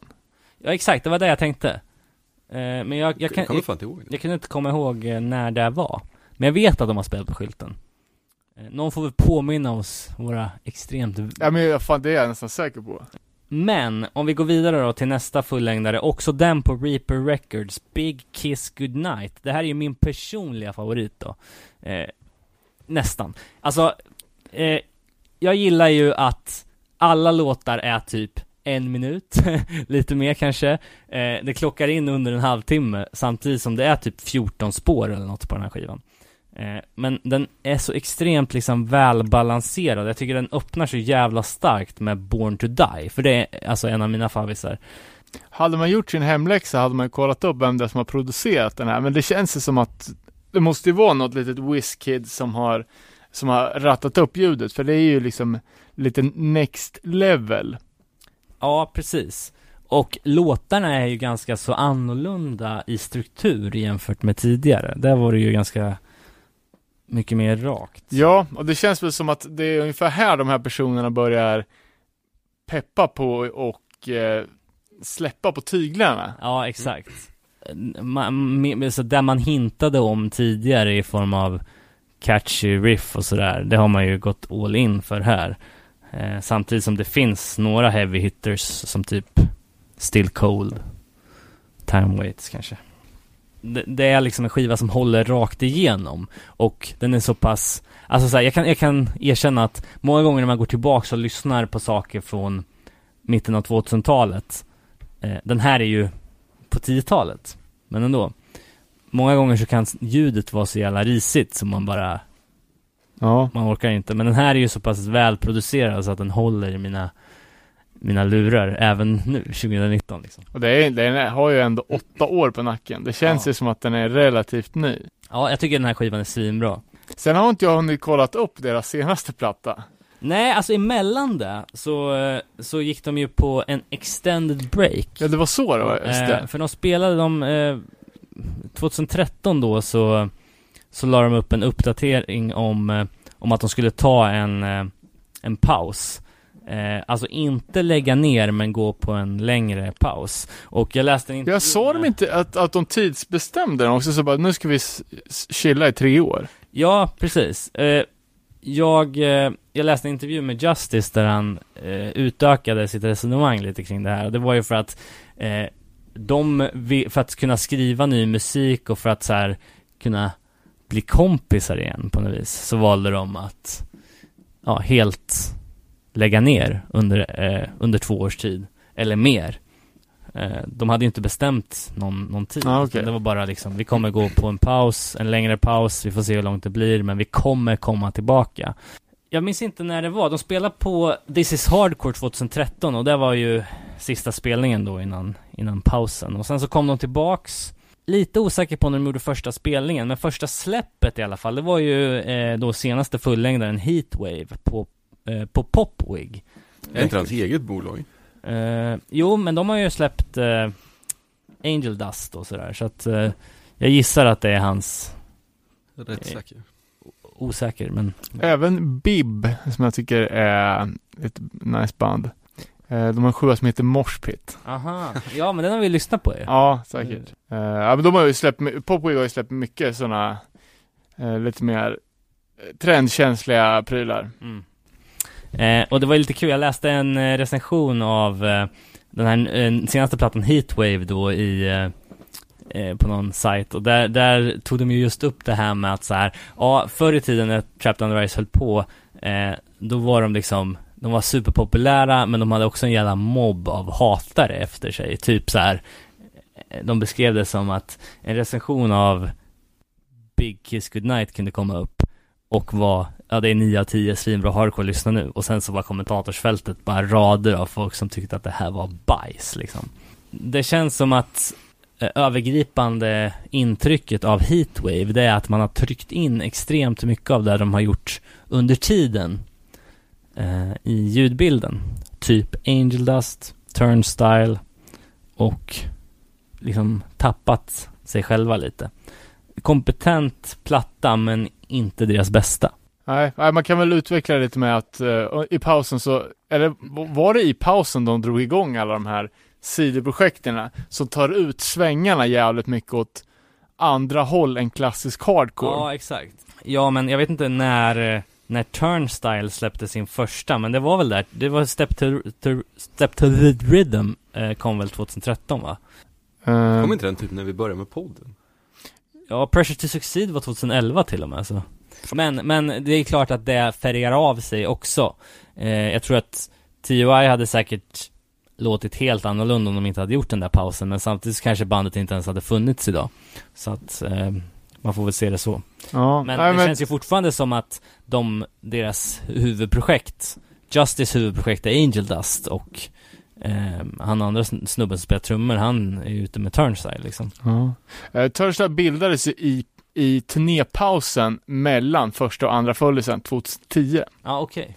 Ja, nej men jag har inte så mycket att säga om senaste släppet mer än så. Jag kan ju bara säga några egna då, favorit T.O.I-låtar eh, som jag tycker att man ska höra. Det är då, det, dels då eh, Skeleton Heads från Stay Cold. Det var ju första T.O.I-låten som jag fastnade för. Den så jävla aggro.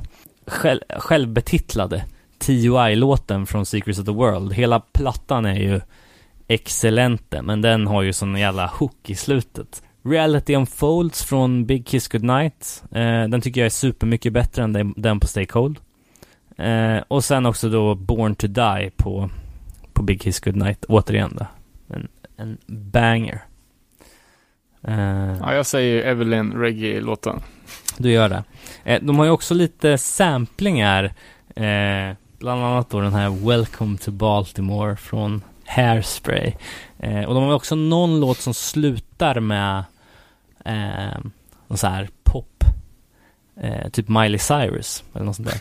Är det inte en ganska gammal poplåt? Ja, det kanske det är. Det låter som Miley Cyrus, men jag har ingen aning om vilken det är. Fill us in på den. Yes. Men eh, ja, TUI, det är ju ett storband från Baltimore som säkert alla har någon relation till.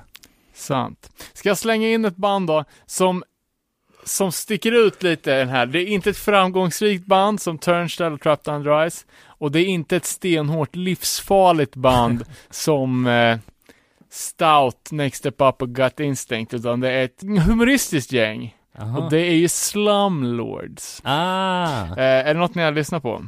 du har ju spelat det för oss några gånger. Jag tycker att det är bra alltså. Och grejen med Slumlords är väl att de, att de kör med eh, smyghumor. Eh, eh, så rent musikaliskt band, rent musikaliskt så låter det väl, ja men tänk sing along, dricka bärs, eh, blood for blood, hardcore. Eh, och det här är ju lite av ett all-star projekt. Det är ju eh, bland annat eh, Dom, Dominic som, jag är ganska säker på att han, han, han spelar gitarr i, eh, i Pulling Teeth. Han driver det här Okej. A389 Records, eller det. Recordings. Integrity tror jag. Och nu för tiden spelar han Integrity. Eh, tillsammans eh, med två medlemmar från Stout, eh, Dog och, vad fan heter den andra igen? Eh, ja, skitsamma. Två medlemmar från Stout och på sång har vi ingen annan än Jeff Perlin från Breakdown. Ah. Så jag vet inte om han pendlar ner från Jonkers eller om han är med på Skype. Hur som helst, bandet släppte sin första bränn-CD-demo 2003. Första LPn, eh, självbetitlad, kom ut året därpå och då var det liksom, alltså det var mer, alltså, tänk skriva jävligt ösiga hardcore eh, bärs-låtar eh, med väldigt, alltså så här, alltså väldigt så här passionerade refränger om helt vardagliga saker typ som att gå ut med hunden. Alltså walking the dog är ju så här, Ah. det är liksom samma sak som, som Bruisers eller Blood for Blood sjunger om vet, sina döda polare, med samma inlevelse sjunger de om, om att dricka en kopp kaffe liksom. Sen gick de ju vidare eh, och började väl appa sitt, sin, egen, sin egen grej. Eh, och 2005 så släpper de ju den fyndiga skivan Drunk at the Youth of Today Reunion. Eh, så, ja, det är ju jävligt, alltså alla de här låtarna är ju svinbra. Fyndigt. Och nu är det fyndigt. Ja, man sjunger liksom hur, om hur de samlar det gamla gänget, gänget för att liksom eh, dra och kolla på Youth of Today som när de var kids liksom. Ja. Men att man ska stanna på baren inne. Ja.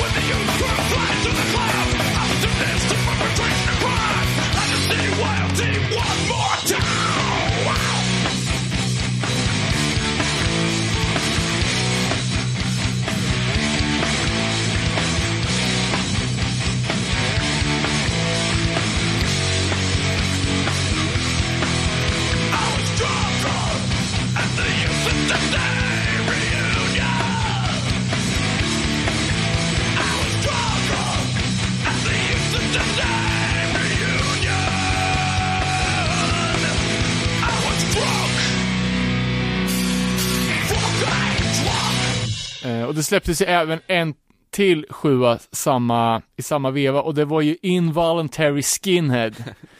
Eh, som då följaktligen handlar om att bli tunnhårig och att mörka det genom att bli skinhead. Det är fantastiskt. Eh, sjukt kul. Eh, nu gjorde jag även en split, såklart, med No Redeeming Social Value. Passande. Trevägssplit med barfight snart. Ja, eh, Boost Cruise kanske. eh, och eh, de verkar ha fått lite, lite recognition på det här för att eh, de, här tre olika sjutums-varianterna, låtarna för den kom ju sen on the stramp på en platta som släpptes av super Locking Out Records Oj, oj, 2006. oj. Eh, Skönt upplyftande i den här eh, något deppiga regionen. skapligt. Och ju- just att det är liksom 50% av stout som, som får lufta sig lite från, från den, det extrema våldet och självhatets miljö till att bara chilla med några bärs. Gött! Eh, en snabb eh, inslängning också är att eh, sångaren i Next Step Up startade när, eh, när bandet var på, på vila ungefär, ja det var 99, släpper bandet Wake Up Cold sitt första, nu blir jag lite osäker på i vilken ordning grejerna kommer. Eh, Men de släppte i alla fall en 10-tummare som även finns på tape och eh, en CD och de gjorde även eh, stor karriär i Japan, precis som Next Step Up. Eh, och släppte en eh, split med det japanska Beyond Hate. Okej. Inte att förväxla med Umeåbandet. Mm. Eh, och det här är ju typ fortsättningen på, på Next Step Up, fast lite mera punkigt. Eh, textmässigt så är det lite mera så feel good unity-grejer. Och eh, ja, musikaliskt, det är fortfarande hård hardcore, men lite på det här punkiga sättet som till exempel Hoods Ah, levererade. det gillar man ju. Ja, men så punk, punktrummor. Och, fast inte så lika mycket, mycket breakdowns. Eh, men Wake Up Cold tycker jag är, är jävligt feta, så det kan man kolla upp om man vill. Coolt. Ja, vidare. Har vi, eh, har vi gått igenom de viktigaste banden? Ja men om vi ska nämna lite kontemporära akter från, från Baltimore då. Ett band som vi snackar rätt mycket om i den här podden är ju Turnstyle. Från vårt allra första avsnitt. Ja, Ehm, kråkintrot. ja, det trodde man kanske inte nu, eh, då, att de nu skulle vara, alltså det är ju, måste ju vara det största hardcorebandet, kanske ett av de största Någonsin. någonsin. ja. Ehm, f- alltså, Eller är de så jävla stora? Vet man det egentligen? Ja, det är bara att ma- man ser ju för fan Nej. på varenda spelning så är det ju slutsålt och det är liksom festivalpublik. Ja, men framförallt de har så, så jävla mycket media. Alltså alla sådana här Rolling Stones, Vice, alla de där har ju gjort så jävla mycket, mycket på Turnstile.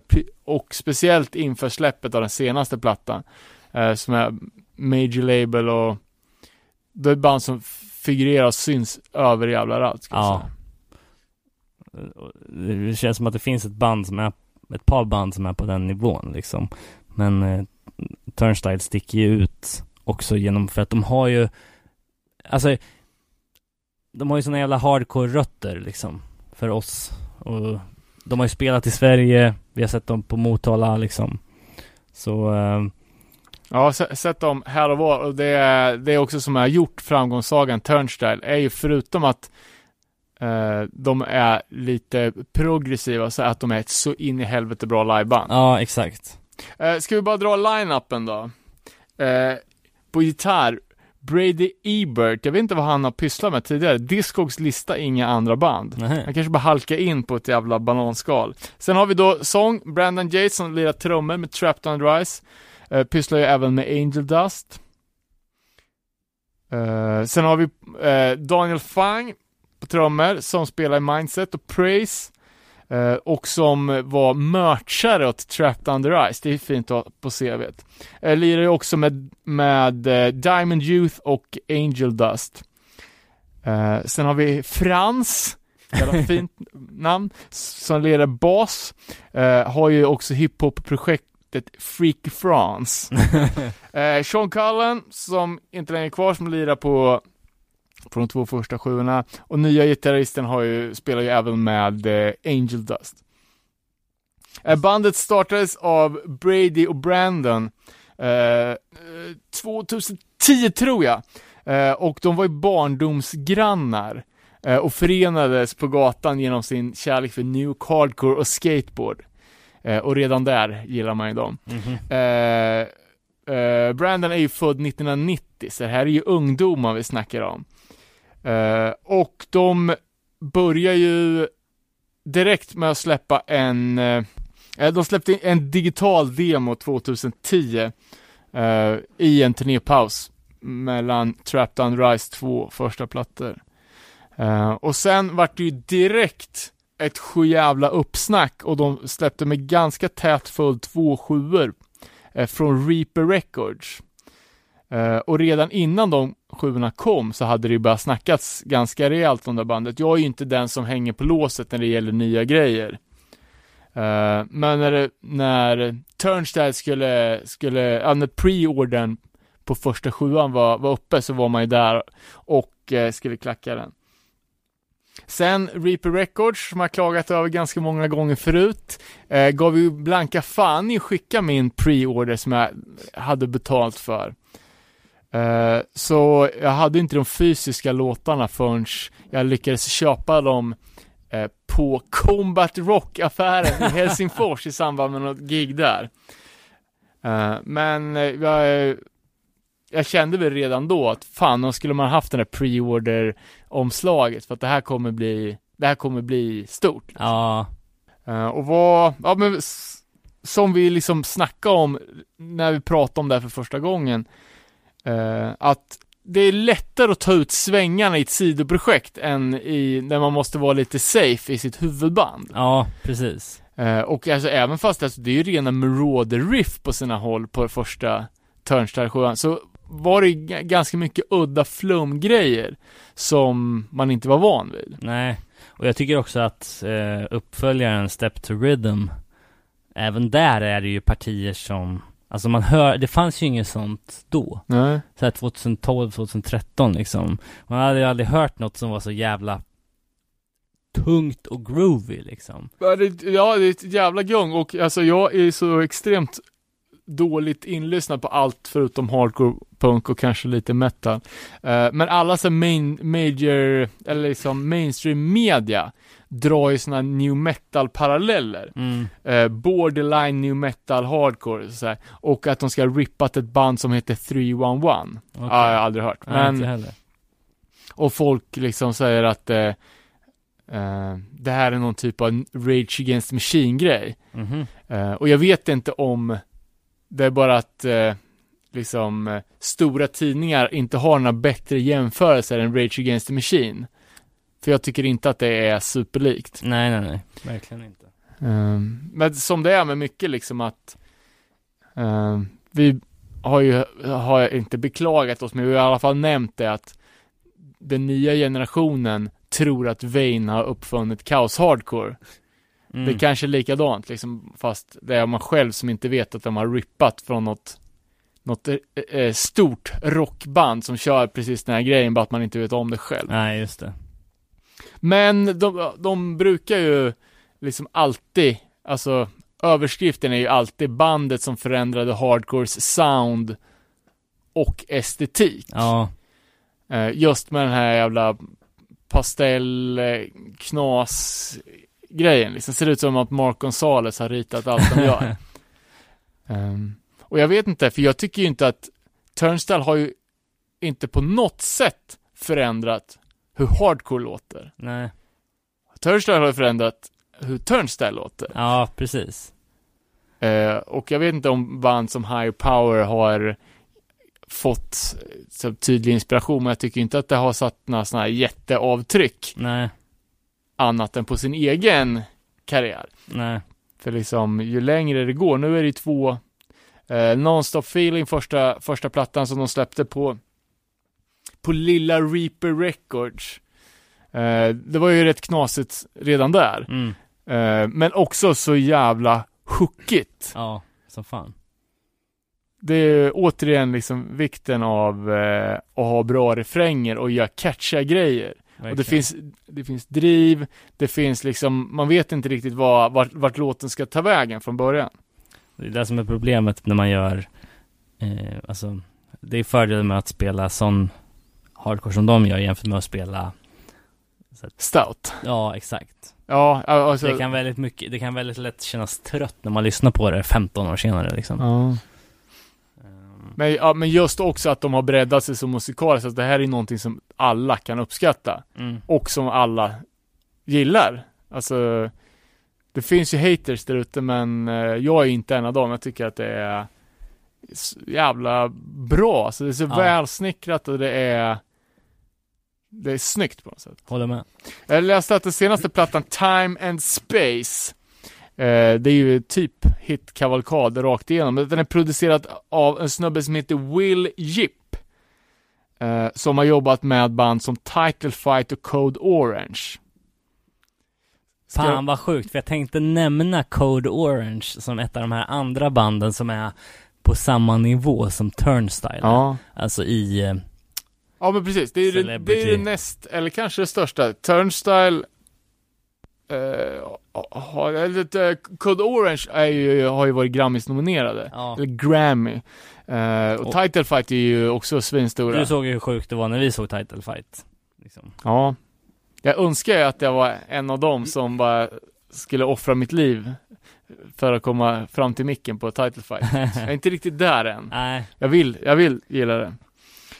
Eh, men också att den här snubben, Jip, att han verkar ha något jävla superfinger, hur han kan liksom trolla upp band från underground till eh, mega hype liksom. Eller, eh, ja men kommersiell major label eh, storlek. just det.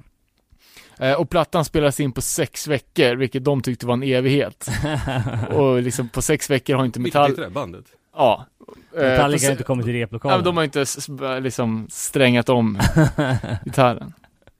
eh, jag tänkte på det här, Eh, vart, du- vart var det du sa att Jeff Perlin bodde någonstans? Jonkers, tror jag. Ja, och det är New York eller? ja. Ja, för om man säger att Yonkers är vårt favoritställe i, i New Yorks, ja, vad kallar man det för? County? Eller? Åh, jag, vet, jag tror Jonkers ligger precis utanför själva New York City stadsgränsen. ja, älskar namnet. Men vårt andra ställe då? Eh, Troy, Ja. Där har vi ju mycket bra grejer, bland annat då Unbeaten Records, som eh, har gett ut ett band som, som vi kan komma till nu då, om vi är klara med eh, Turnstile.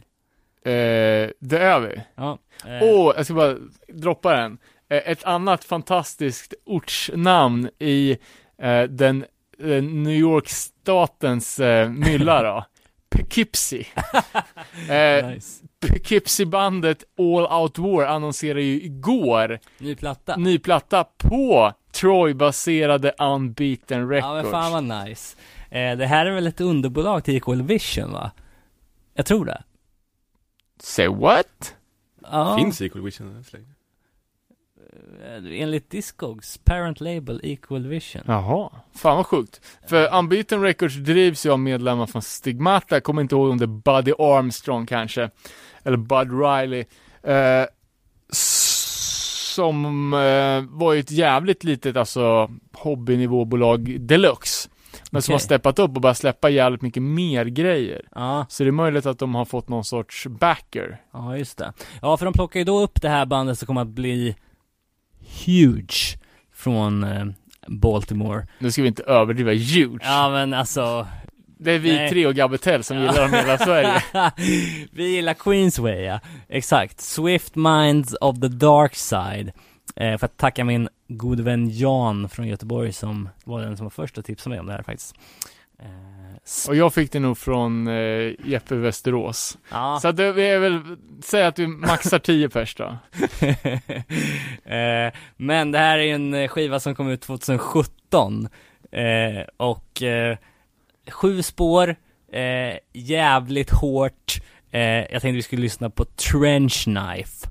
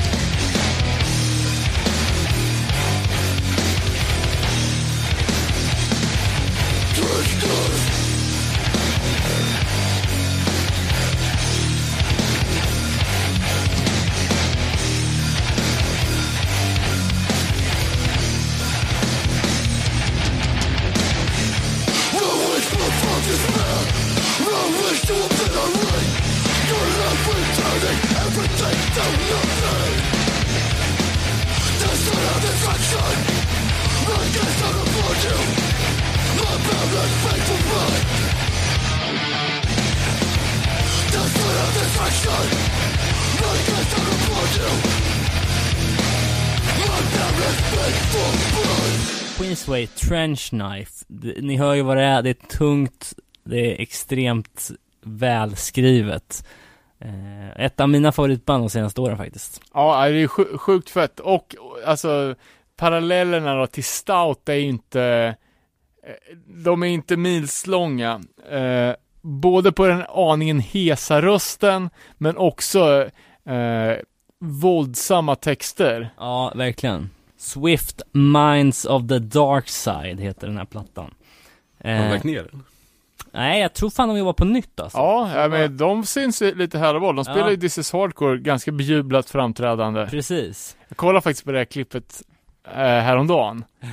eh, att fan, så, för så, här, samtidigt som de är stenhårda så har ju sångaren, så, dels är han ju lite för tjock för att ha så, eh, så här, tajta jeans. Ser lite...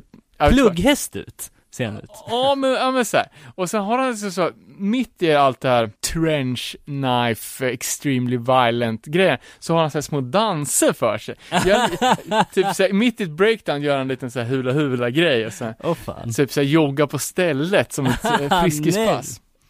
Eh, hur som helst, fantastiskt band.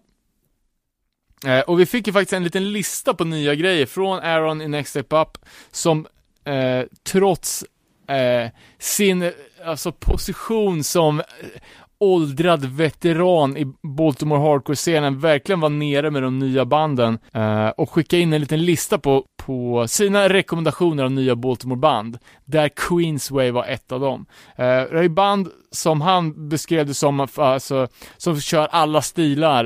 Eh, det finns liksom inte längre ett ett likriktat Baltimore sound utan nu, nu, nu är f- liksom hela punk hardcore spektrat Men att alla banden har typ sin egen grej going. Ett band som jag läst om på andra ställen också när, när det gäller ny Baltimore hardcore är Endit! Utropstecken. Jag vet inte fan. Det är ju alltså, det är hård, hård hardcore som eh, lite 2000-tals vibbar. Eh, jag skulle säga att det är liksom, jag fick lite eh, halvplojiga texter-vibbar. Vi skrattade åt någon, några textrader här när vi lyssnade på det. Ja, det var det där sjuka ja. Så jag, jag, jag, jag tänker mig som ett hårdare razzle dazzle ungefär. Ja, precis. Lökfaktor 3000 på den textraden var det ju. Vad var den? igen? Det var ju så här. I don't want nothing steady, I just want something easy, typ. Att han bara skulle ut och knulla liksom, det var det som var kontentan, lät det som.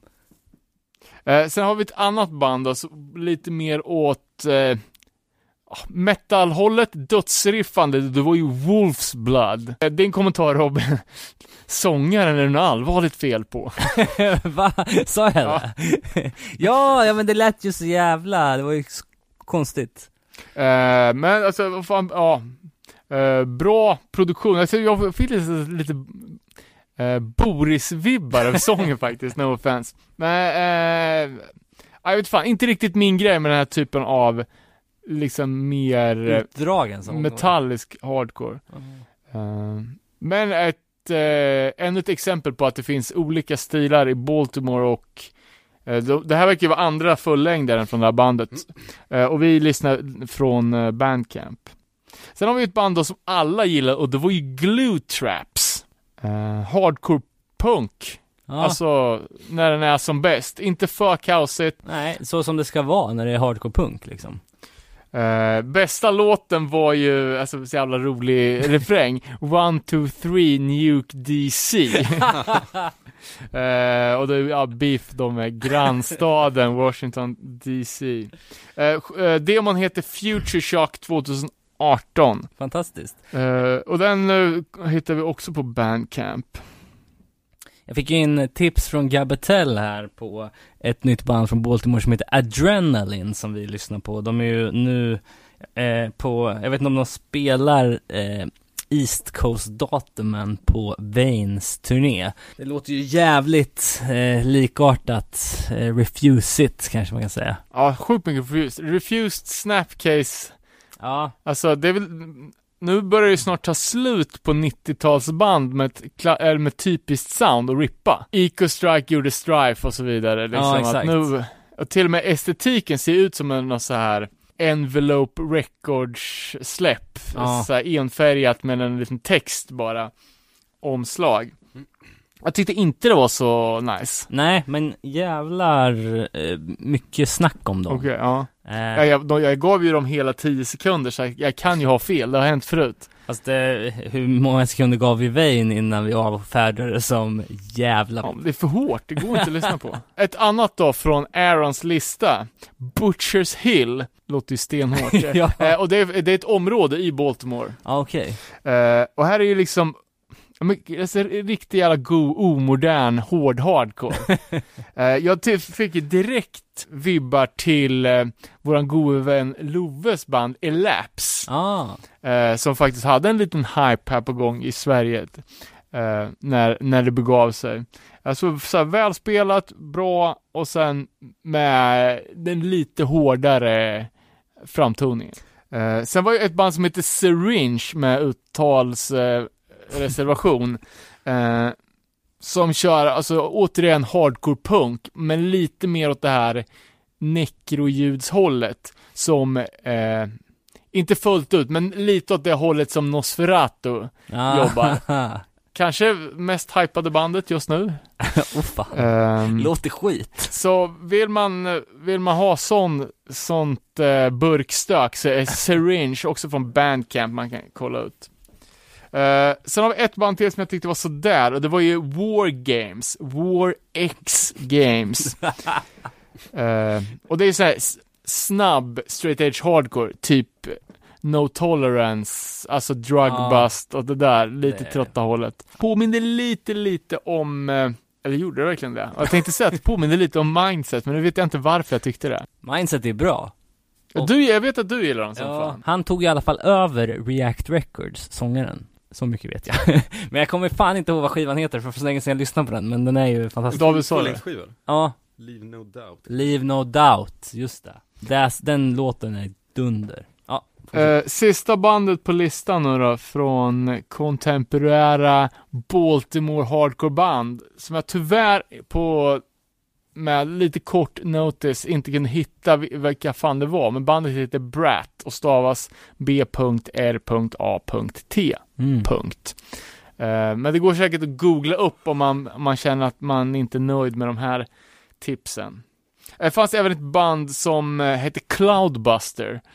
Vad det är nu är. Eh, med sjukt beatdown-aktig grafflogga, men som snarare var, och det är kul när eh, det visuella krockar med det musikaliska. Ja men verkligen. Och kul också om man vill eh, veta mer om Baltimore, historiken, se bilder, upptäcka band från just Baltimore så kan man kolla in at Baltimore Hardcore på Instagram. Eh, sjukt aktiva.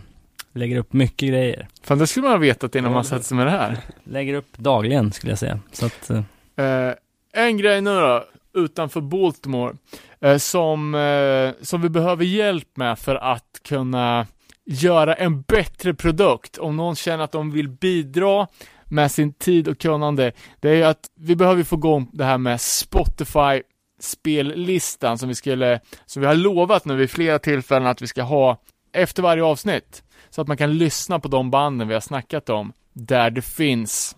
Men så fort vi har gjort, gjort ett avsnitt så är det ju direkt ner och börja grotta. gräva inför nästa, så vi har ju aldrig tid att göra den här jävla Spotify-listan. Eh, är det någon som känner att de kan ta den här pucken åt oss så tror jag att det är många som skulle bli peppade. Jag skulle bli det som fan i alla fall. Ja, verkligen. Så eh, DM oss på Instagram, skriv till oss på Facebook eller mejla oss på nerepanollgmail.com gmail.com. Det var väl det, Baltimore Hardcore. Fan, det finns mycket gött att sätta tänderna i för den som är intresserad. Ja, det, fan, det, är inte, det är inte så extremt många band, men de Nej. som finns är fan jävligt top notch. Mhm. Eh, vad har vi gjort nu? Vi har gjort Detroit, Ja, en, en kortis på New York. Avsnitt nummer sex med Andy Hate var Pennsylvania. ja. Orange County har vi gjort. Orange County. DC har vi gjort. Har vi det? Ja, ja det känns som det. Men eh, den Ja, kanske... fan. Vi har ju avklarat några av de amerikanska städerna i alla fall. Eh, får se vad vi hittar på till nästa gång. Ja, verkligen. gjort Boston? Det känns också som vi har gjort Boston, men jag tror inte vi har gjort det. Eh, alla de här uppenbara ställena har man snackat med så jävla mycket om ändå. Ja, Vi har gjort Vadstena i alla fall. Nej, Sigtuna menar jag. ja exakt. Eh, ja men fan, vi, vi planerar något kul till nästa gång eh, igen. Så, eh, så hörs vi om några veckor. Det är ju lite så här, sommaren är annalkande. Vi får försöka hålla ihop det här Det schemat. ska nu. avsnitt då. Vad sa du? Ska, ska avsnittet blir det. Ja, precis. så outa det on mic David, så måste vi göra det nu. Annars så eh, tackar vi så mycket för den här gången. Hör av er till oss, skicka feedback, skicka idéer, skicka artiklar så blir vi jätteglada. Annars, ha det bra. Show! Oj.